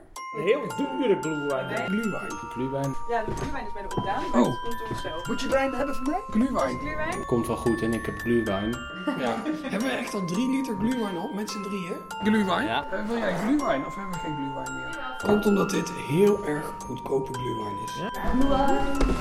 Hey, een glaasje glühwein. We komen en we nemen glühwein mee. Heerlijke glühwein. Dit is natuurlijk wel de derde keer deze week dat jij glühwein zit te drinken. Jazeker. Uit een glas met iemands hoofd erop. Hoeveel glühwein is er al doorheen? Twee liter? Ja, drie flessen. Ik heb ook echt al best wel geen glühwein in meer gehad. Dat is een beetje wat er misgaat. Maar wel twee wijn bij Adriaan van Dis. Glaasje glühwein. Ja. Geniet nog even van je glühwein. Lieve dames en heren, het Poëziepodcast recept. Oh ja, dat mag. Voor glühwein als je geen fornuis hebt. Maar wel een gootsteen en een warm waterkraan. En een fles glühwein. Ja, dat is Je hebt nodig. De kan, dit kan ik nu al niet meer gebruiken. Eh, Nog een keer. Nee, laat maar, want dit is ook eigenlijk helemaal niet leuk. Nee. Even wat glühwein, mensen. Ja, ja, ja. Het kan leren. Proost. Proost. Proost. Wat, wa- wa- wa- wa- waar wachten we op? Eh, Op dat ik ging beginnen met praten, dat was eigenlijk net nu. Maar eh, dat ga ik dan nu doen. Dat is Oeps. goed. Ja, nee, dat maakt allemaal niet uit. Het concept van deze kerstspecial is dat het allemaal een beetje, een beetje losjes en informeel is. Ja. Dus dat is het ook. Eh, en dat we bij mensen op bezoek gaan. Dus Adriaan, dankjewel dat we bij jou op bezoek mochten komen. Welkom, plezier. En wat leuk dat je stom toevallig Ellen Dekwits over de vloer hebt. Ja, ach ja, die, ja. die moest folderen. Ik zei, kind, kom binnen. Oh, dit zo flauw, jongen. Wij waren aan het gamen. Ik had mijn Switch mee. En wat hoor ik nou voor geluid op de achtergrond? Is dat Dat Artis? is een kat over de piano. Oh, die is Oh, uit. Die is nu uit. Oh, die is nu uit. Oké, oké. We waren een beetje aan het gamen en het oude jaar aan het doornemen. En opeens ding, ding, ding. Daan Doesburg op de mobiele telefoon. Nou ja, dan moet je wel langskomen natuurlijk. Ja, nou heel fijn. En eh, t- stom toevallig waren jullie ook net over poëzie aan het praten. Ja. Nou ja, stond, we praten eigenlijk altijd wel veel over poëzie, toch? Ja. Dat, eh, zo, zo, zo, eh, zoveel mensen zijn natuurlijk ook niet met wie je eh, over poëzie kan praten zonder je om de minuut te willen excuseren. Maar met Adrien kan het gelukkig nog wel, fatsoenlijk gesprek over de versen. Maar vooral waren we bezig het ongezegde te benaderen. Dat klinkt een beetje raar, maar de kracht van het halve woord is zoveel sterker dan de kracht van het hele woord. De kracht van onduidelijkheid is zoveel bijzonderder dan de lompe kracht van duidelijkheid. En in deze tijd waarin we ons allemaal begraven in de loopgraven van het eigen gelijk, ben ik een voorstander van onduidelijkheid. Dat je het gewoon niet weet. En dat in het niet weten veel schoonheid verborgen ligt. Dat, dat is opmerkelijk dat je dat zegt, want als schrijver zou je juist van uitgaan dat het steeds zoeken is naar dat ene woord, naar die Ja, ene nuance. je- maar het gaat om het effect dus. Je tast, je tast, je, je tast, je zoekt, maar je vindt nooit het ideale. Dat staat geprojecteerd op een grot. Alleen Plato wist de weg naar die grot. Wij blijven proberen. En is het af, en dan denk je dat het het is, en dat is het dan toch weer niet. En dan ga je weer beginnen. Heerlijk. Heb je geen enkel werk van jezelf waarbij je denkt dat het toch wel af was? Ik heb wel eens iets dat het af is, en dan schaam ik me. En dan pak ik het 30 jaar later en denk ik, goh, dat was helemaal niet zo slecht. Heb je dat met Indische duinen gehad? Nee, dat heb ik, heb ik met zilver. Oh ja, dat, een dat is beetje een aanstellerig boek is, maar uiteindelijk vond ik het helemaal niet aanstellerig. Ja, een zoekende jongen die verheven woorden zoekt. Ja. Of vindt. En Daan is al dronken, dus Nee, weet ik je ben wat, helemaal niet Adriaan, dronken. Wij doen het mee. gesprek. Ik was helemaal weg aan het dromen over Ja. wat jullie allemaal zijn. Toen vergat ik dat ik eigenlijk, de, misschien ben ik toch wel dronken, dat ik de gespreksleider ben. Ah, Dit kijk is nou. oké, is oké. Maar ja, het is goed dat je die vraag stelt, want eigenlijk het gedicht wat ik het liefste wil voorlezen is een gedicht dat aftast. Een dichter die het eigenlijk niet kan zeggen. En het is een gedicht uit 1890 en het is zo modern dat het van alle tijden is volgens mij, van Herman Gorter. Zie je, ik hou van je. Ik vind je zo lief en zo licht. Je ogen zijn zo vol licht. Ik hou van je, ik hou van je. En je neus en je mond en je haar. En je oog en je hals waar je kraagje zit. En je oor met je haar ervoor. Zie je, ik wou graag zijn jou. Maar het kan niet zijn. Het licht is om je. Je bent nu toch wat je eenmaal bent. O ja, ik hou van je. Ik hou zo vreselijk van je. Ik wou het helemaal zeggen, maar ik kan het toch niet zeggen. Herinner je je nog eh, hoe oud je was en waar je dit gedicht voor het eerst las? Ik moet heel jong geweest zijn, want ik groeide op in Berg aan Zee, waar Herman Gorter, een communist, zei mijn vader, tenniste. En tennissen was een sport voor rijke mensen. Daar heb je het eerste raadsel al. En dan had je ook nog de verbrande pan, waar Gorter een huis had. En die was rood in de herfst van de eikenblaren. Maar ja, voor een communist was het natuurlijk heel normaal dat je in een rode pan woonde. Ja. Dus voor mij was de dichter Gorter een bestaande figuur. Maar dit gedicht lazen we natuurlijk niet. We wisten dat hij gedichten had geschreven over het socialisme, over de grote idealen. Maar pas later vond ik deze prachtige, aftastende verzen. En nu is het voor mij een van de grootste dichters. Maar dus het moet je ook aangenaam hebben verrast. Toen je dit gedicht begon te lezen, dacht je misschien van nou, het einde zal weer zijn dat eh Trotsky de held der volkeren is. En Nee. opeens is het een tederheid. Het is de tederheid en de aarzeling. En het paste ook op het moment dat ik heel erg verliefd word op de vrouw waar ik al 34 jaar op verliefd ben. En wat ik ook niet kan zeggen, maar waar als ik dit lees, de ideeën naar boven komen wat ik noem wijding. Dat je ontzettend je best moet doen voor de liefde. Dat je het niet moet aannemen als iets vanzelfsprekend, maar je moet elke dag even iets doen waarin je die liefde weer bevestigt. En dat kan zijn een paardenbloem en het pluisje blazen in de zitkamer. Het kan zijn een bosje bloemen, heel mooi en braaf en burgerlijk. Het kan zijn dat je er schoenen poetst, zomaar, omdat het elke dag moederdag is. En omdat je vindt dat zij er schoenen niet goed poetst. Allemaal hele kleine, leuke dingen die je elke dag voor elkaar doet. Dus je bent eigenlijk een soort eh, Petrarca met Laura. Ja, maar de wijding, dat vind ik een heel belangrijk begrip. Er is een prachtig boek, Madame Bovary. En dat, nee, ik, dat is een prachtig boek, De Leerschool der, Der liefde, maar auteur. Dezelfde auteur, Ja. Gustave Flaubert. En dat gaat over deze Frédéric Moreau, die verliefd op een oudere vrouw. En hij probeert haar op alle mogelijke manieren te winnen, hoewel ze getrouwd is. En dat noemt Flaubert wijding. Je best doen om iemand voor je te winnen. En dat gaat op hele kleine dingetjes. En dat is, ja, dat is, eh, dat is inderdaad een leerschool van liefde. En kan poëzie dan, behalve als een soort inspiratie voor jezelf, ook nog een rol spelen als object binnen die wijding? Hè? Bijvoorbeeld dat je Michel Krielers droeg vanmiddag een gedicht voor dat hij eh, aan, bijna al zijn eh, klasgenoten heeft voorgedragen om, hen, om hun hand te winnen. Eh, ja, denk je dat je ook poëzie als instrument kan gebruiken? Zeker, zeker. Poëzie is eigenlijk eerder een middel dan een doel op zich. Natuurlijk, je kan ontzettend blij worden van een gedicht dat goed in elkaar zit, dat metrisch klopt, dat eigenlijk een partituur is voor klank. Maar poëzie is voor mij althans vaker een middel gebleken om bepaalde dingen van de werkelijkheid te zien die, die voorheen nog versluierd bleven.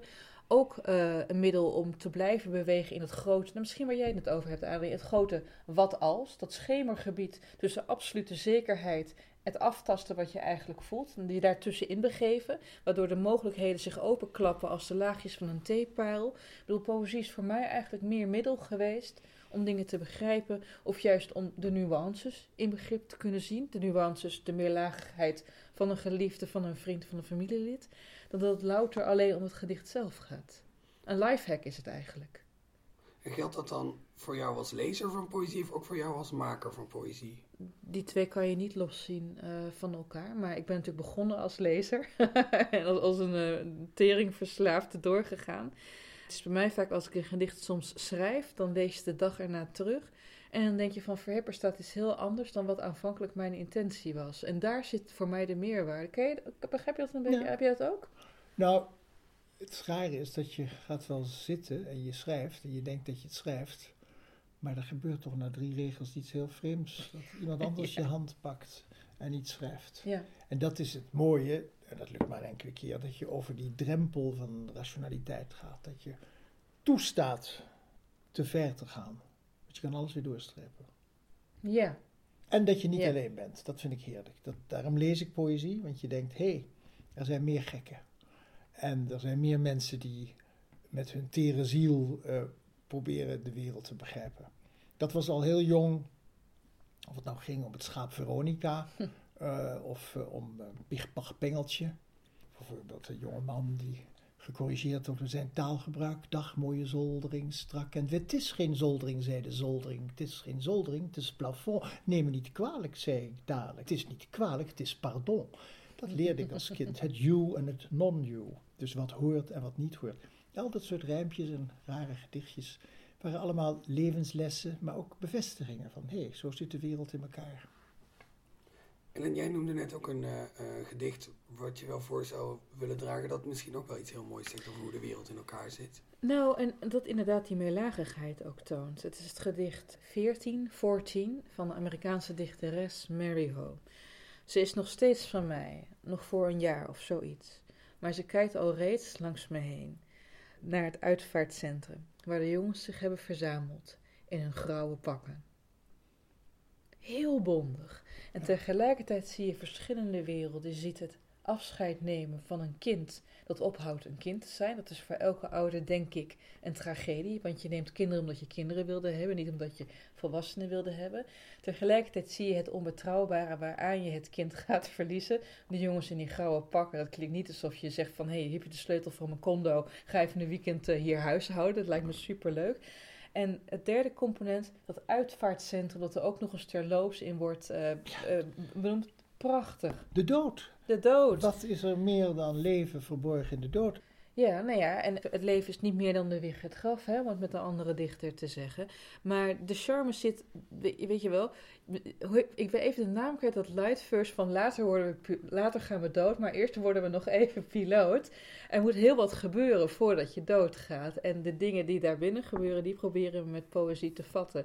Heel veel dingen lijken van tevoren vast te liggen. Hè? Als je opgroeit als kind heb je een soort vastomlijnde levensweg die ons in sprookjes al wordt getoond van er komt een kus, er komt een gelukkig voor hier en voor altijd. En dan beginnen de nuances op te vallen. Namelijk dat je als jongere, wij hadden net even helemaal geen flauw idee hebt wat je met je leven aan moet. Met al die ademtochten die nog voor je liggen. En dan begin je te zoeken en die zoektocht is een drama.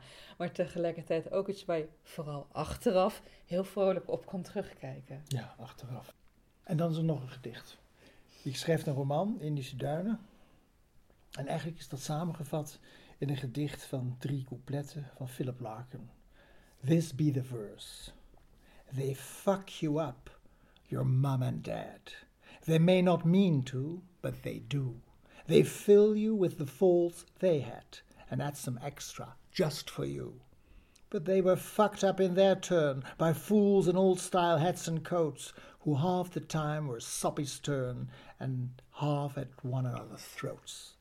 Man hand on misery to man. It deepens like a coastal shelf. Get out as early as you can and don't have any kids yourself. Prachtig. Het is natuurlijk haat. This be the verse. En tegelijkertijd ook een heerlijke herkenning. En wat zal hij een plezier hebben gehad om dit op te schrijven. Philip Larkin, zouden zijn ouders nog geleefd hebben? Zouden ze het hebben gelezen? Weet jij dat toevallig? Yeah, but they probably didn't understand it. It must be someone else, mom and dad. Oh ja, ja dat, lezen dat, zo dat graag ik mijn familie ook vast. Ja, ja, ja, Het is niet, niet over ons. Ja, is dat ook het coping mechanism van jouw familie? Dat, eh, Nou, zij denken, in mijn, eh, in mijn debuutbundel staat er nogal wat over mijn familie. En eh, ze- eh, mijn broertje gaat 30 keer dood. En die staat telkens weer op soort Jezus, maar dan eh, factor 10 eigenlijk. En eh, die, die, die gooit het maar toch op zijn rare zus. En niet dat het over hemzelf gaat. Maar eh, dat vind ik prima. Ik bedoel, heb jij dat niet een keer gezegd, Daan? Eh, jij hebt eh, toen jouw vriendin, je eerste vriendin het uitmaakte, had je heel erg liefdesverdriet. Daar heb je ook heel veel over opgetreden en over geschreven. Dat heb je toch ergens in de krant nog gezegd. Zij heeft mij gedumpt, maar ik heb er aan verdiend. Ja, klopt, Dat doen ja. wij ook met het, met het leed dat onze ouders op onze schouders hebben geladen. Van een unhappy childhood is a Righteous Gold Mine. Heerlijk hoor, ja. Dat je echt eh, dat je haast naar je, naar je ouders toe gaat met een Spaans ritje van geef me alsjeblieft even een tik, want dan kan ik weer iets winstgevends maken. Ja, zalig is dat. Maar dit is wel een fantastisch gedicht van, eh, van Philip Larkin, die sowieso over alles wat existentieel problematisch is, fantastische dingen heeft geschreven. Hè? Neem Obed over dat hij 's ochtends wakker wordt, eh, weet je wel.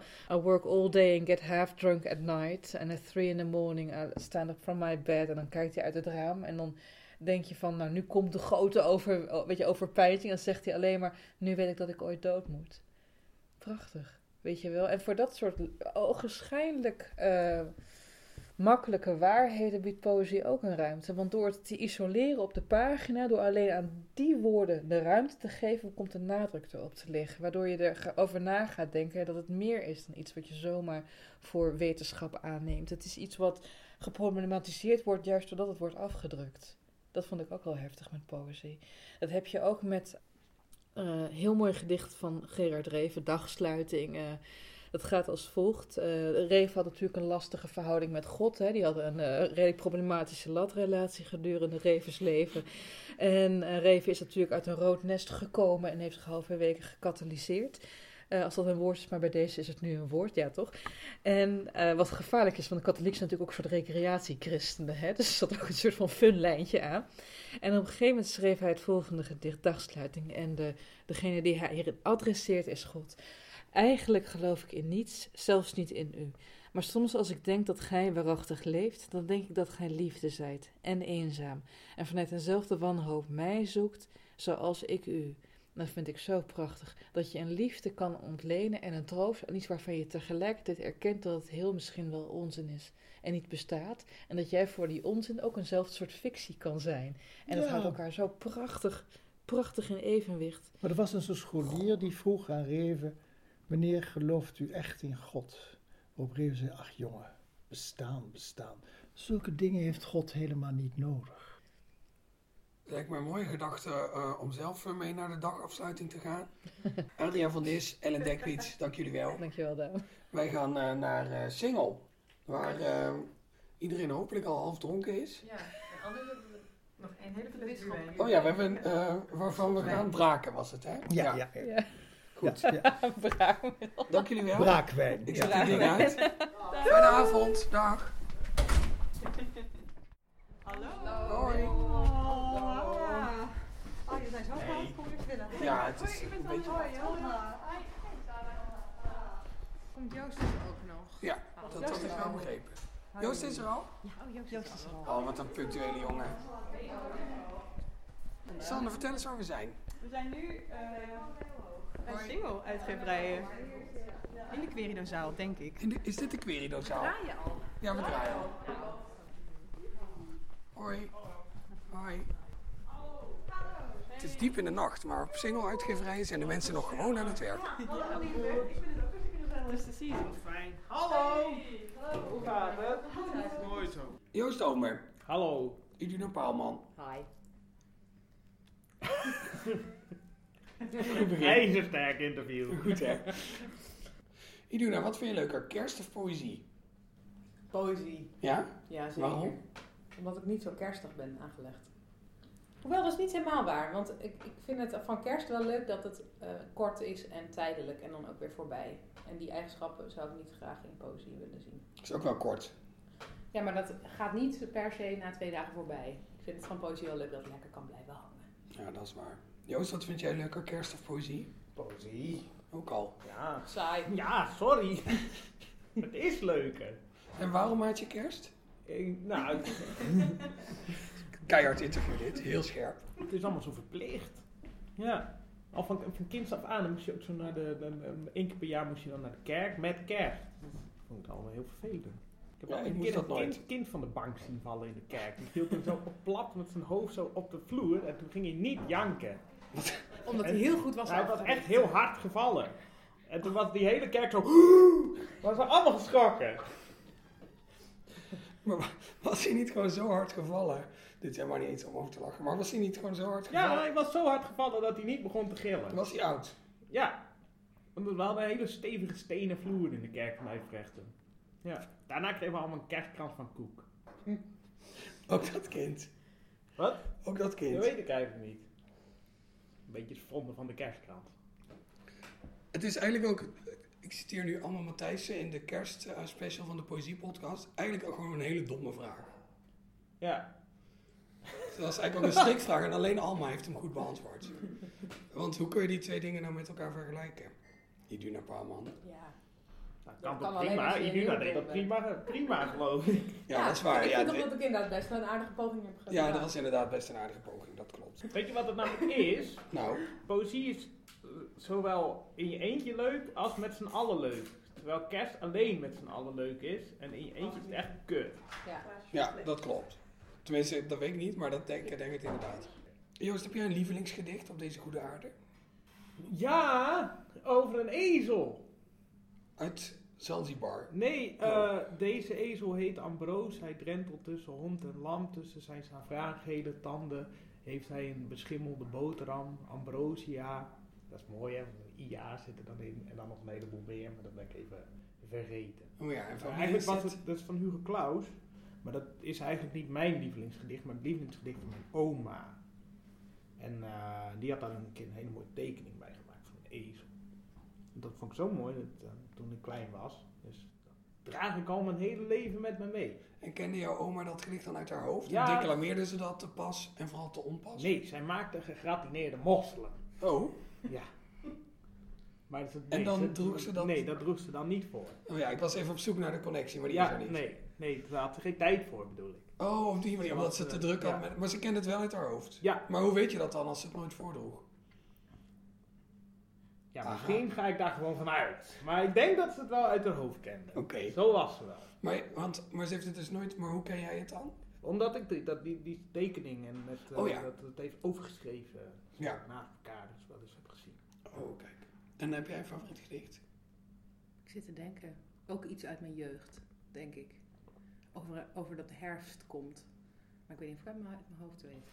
Poëtisch. Ja, ja, ja, ja. Van Rilke is het, maar dat weet, dat weet ik zelfs niet eens zeker. Teder en jong, als werd het voorjaar. Maar het ligt er nog, want zonder vruchtbegin, met dunne mist tussen de gele blaren, zet stil het herfstgetijde in. Prachtig.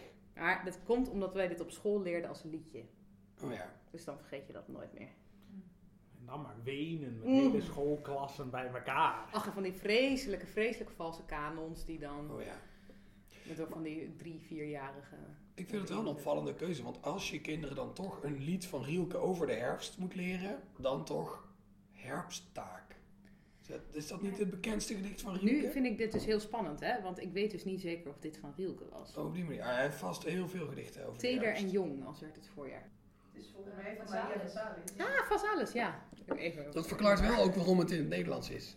Nou ja, waarom wij het in het Nederlands leerden. Ja. Was het op de basisschool? Ja. Ja, want op de middelbare school leer je niet meer zo vaak liedjes, hè? Nee. Nee. Vasalis, ja. Hoe kom je dan bij Rielke? Ja, geen idee. Hou je wel van Rielke? Ik hou ook wel van Rielke, maar nee, dit heb ik toch altijd als een gedicht van Rielke onthouden. Het had zomaar een gedicht van Rielke kunnen zijn. Ja, als ik nou niet had getwijfeld, dan hadden wij dat nu allemaal geloofd. Ja. En ook de luisteraars van deze podcast. Daar gaan alle tere jeugdherinneringen Ja. van die Duna paal, Ja. man. Onderuit gehaald. Maar daarom zijn wij hier. Om jullie van binnenuit te slopen. Oh ja. Leuk. Joost, Ja. heb je zin om een gedicht voor ons voor te dragen? Jawel, wat voor gedicht zou je willen? Heb je een gedicht over fruit? Ja. Wat een verrassing. Lucky Fons de derde, Ja. zodat we niet in de war raken, heeft vanochtend nog een hele aardige Joost Omi imitatie gedaan. Oh, leuk. Ja. Hoe dan? Ja, het ging zoiets als... eh, Vruchtjes met een schil. Vruchtjes om op te eten. Vruchtjes die een problematische relatie met hun moeder hebben. Vruchtjes die een kist uit aan het zoeken zijn voor hun begrafenis. Vruchtjes waar je nog een tientje van krijgt. Zo ging het. Vind je dat mooi of vind je dat aanmatigend? Dat je, dat je her en der zo eh geïmiteerd wordt. Ik vind dat heel fijn. Ik ben blij dat ik al een soort met mascotte van de popcultuur aan het worden. Ja, dat ben je zeker. Ehm, Helemaal goed. Kan de mascotte van de popcultuur een gedicht voordragen? Ja, maar wat? Oh ja, een blokcement op zolder vinden. Ja. Jawel. Wil je dat? Ja, ik wil dat ben wel graag. moe. Ja, dat hoeft niet. Jij vraagt aan mij welk gedicht wil je, dan zeg ik welk gedicht ik wil en dan is het weer niet goed. Het wordt heel snel een heel grimmig interview dit. Nee, kies jij maar waar jij gelukkig van wordt. Oh, dit is een nieuw gedicht. Wil je dat? Ja. Oh. Je hebt een gezicht, je hebt een gezicht, je hebt een gezicht als een klomp. Je hebt een gezicht als een aardappel, je hebt een gezicht als een klomp.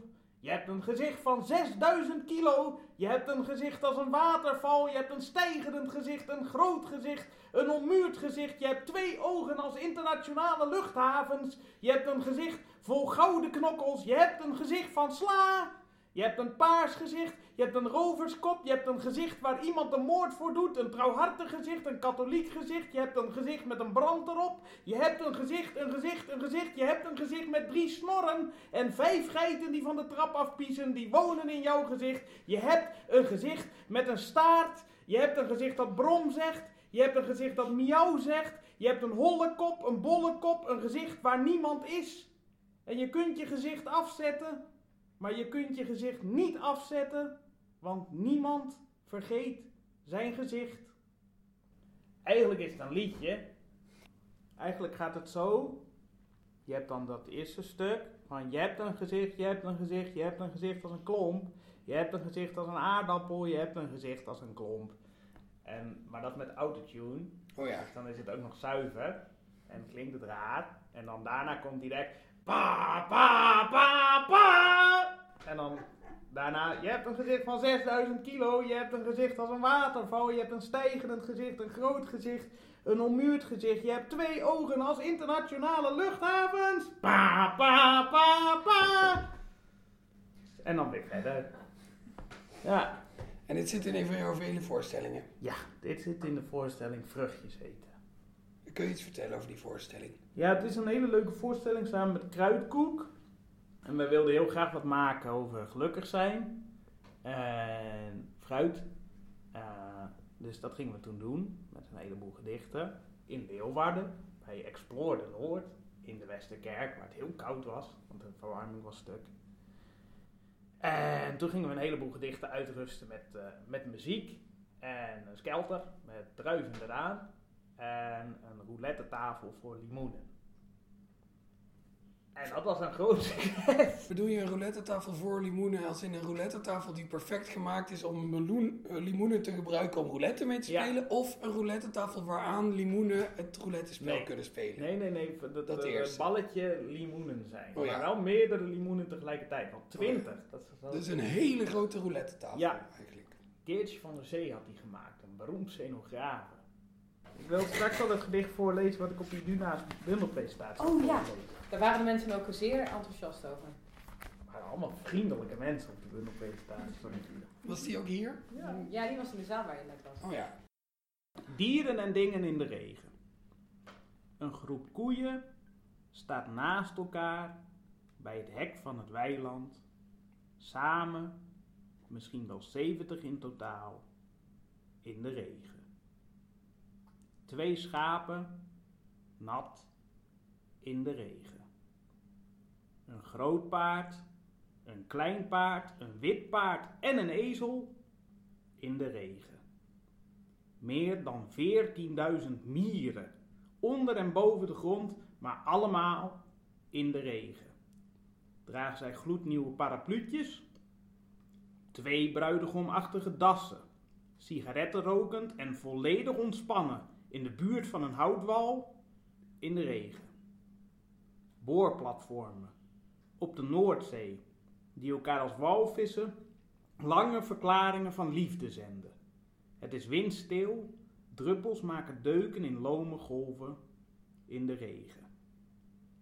De premier, alleen, op een glimmend Haagsplein, met voeten in lode sokken, in een donkergroene poncho, maar verkeerd om, zodat de capuchon voor zijn gezicht zit. Armen onhandig wijd als in help me.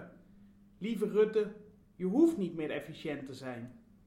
De VVD bestaat niet. Ontspan je maar.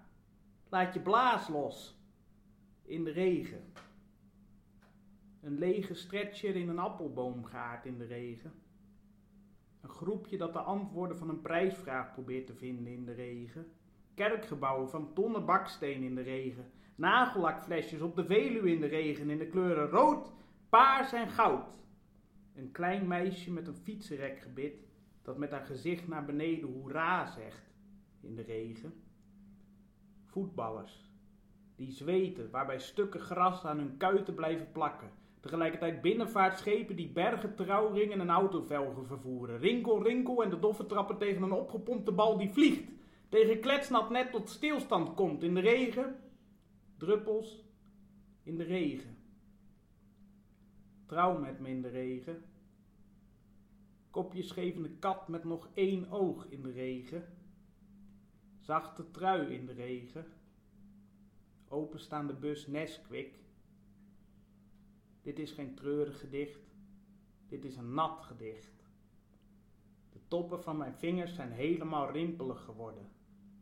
Ik bel naar Europa en overtuig ze van een door hen gefinancierd afdak over dit hele continent. Al het belastinggeld moet er worden ingestopt.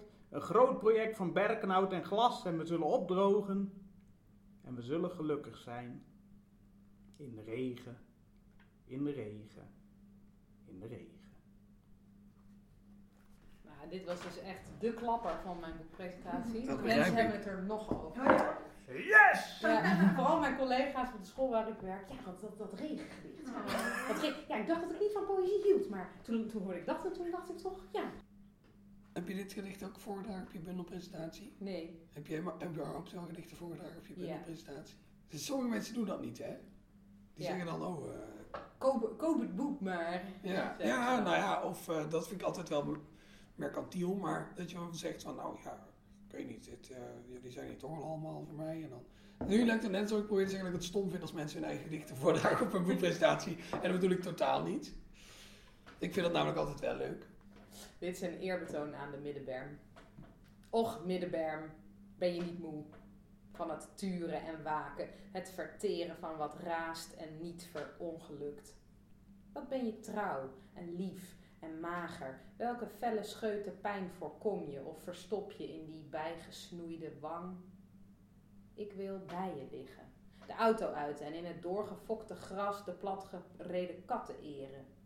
Weg bij de bestuurder die zijn handen thuis laat, keurig afstand houdt van mijn uitzwenkend lijf. Naar de patrijs die nog beweegt. Middenberm, doen we een reparatie? Redden we de geramde vleugelslag? Noemen we het bloed? Het woord benzine komt niet van automobieluitvinder Carl Benz. Een vluchtheuvel is geen verstopplaats of plek waar je kunt schuilen. Als vrouwen minder goed rijden dan mannen, waarom sterven er jaarlijks drie keer zoveel mannen op de weg? En zeg niet, wees blij met je ingehouden roekeloosheid. Besmeur de baan, maar scheur hem niet aan stukken. Blaas je op tot botsballon en stijg. Onderwerp je aan het asfalt dat we nog aan Hitler danken, want ook dat zijn misverstanden. Middenberm, leer me alle faal geworden namen die je kent en hoe ik de haast in mijn gewrichten verdraag. Voorlopig rijden we precies onder de snelheidslimiet. Je lege land dat voor ons het gevaar steeds uitstelt en vergeet. Nu ga, ik, nu ga ik één keer tijdens deze hele dag een vraag stellen die ik in een normale aflevering van de podcast zou stellen. Namelijk, waarom heb je dit gedicht gekozen om hier voor te dragen? Omdat ik het nog nooit heb voorgedragen. Wat leuk! Zie je, er komt altijd een leuk antwoord op die vraag. Ja. En nu dacht je, dit is de dag. Deze Nou. man is straalbezopen. Daar gaan we. Ik, ik, ja.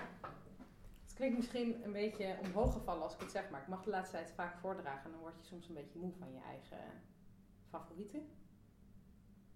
En dan, ik vergeet dan wel eens dat de mensen aan wie ik het voordraag mijn poëzie nog niet goed kennen. Dus dat ook al zou ik vier keer per week precies dezelfde gedichten voordragen, dat niemand dat dan zou merken. Maar ik denk dan toch moet een beetje variatie aanbrengen.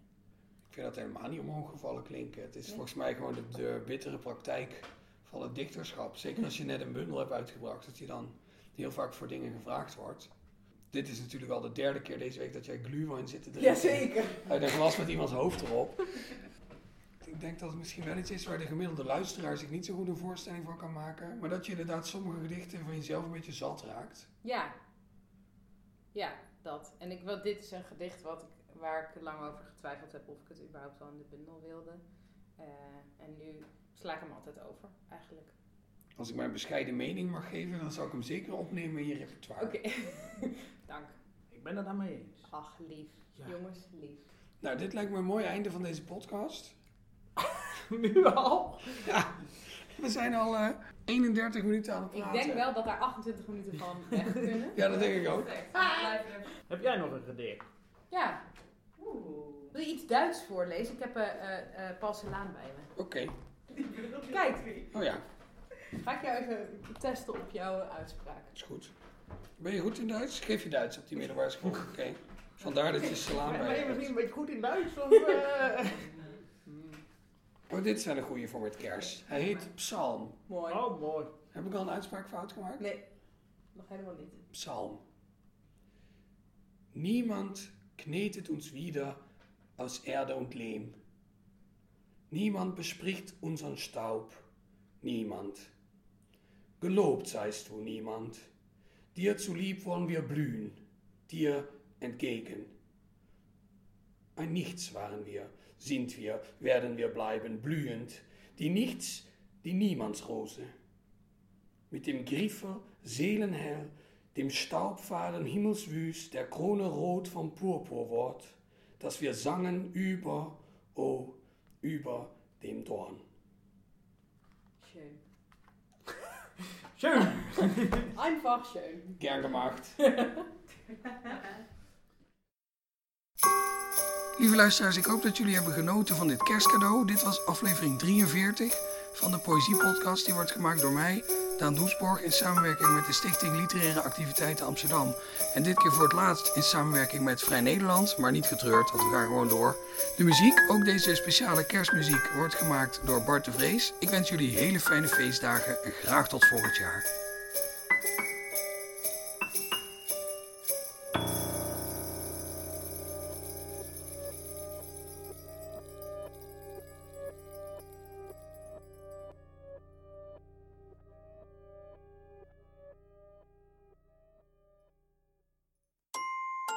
Nou, dan ga ik dit apparaat weer uitzetten. Heb je de hit van Daan en Alma? Ik heb het nog niet gehoord. Nu gaat hij uit. Ik zet Raar. ding uit. Nu al? Nee, maar ik zet hem zo weer uit. Oh, jammer. Ja, en als er iemand binnenloopt, loopt er iemand binnen. Ik bedoel, dit is de kerstspecial. Een uur lang. Twee uur lang. Ik moet sowieso even bedenken hoe we dit in godsnaam... Dit hoeft trouwens allemaal niet. Oké, uit. Moet ik dit opnemen of kan hij uit? Oké. Oké, ik zet dit nu uit. Dag.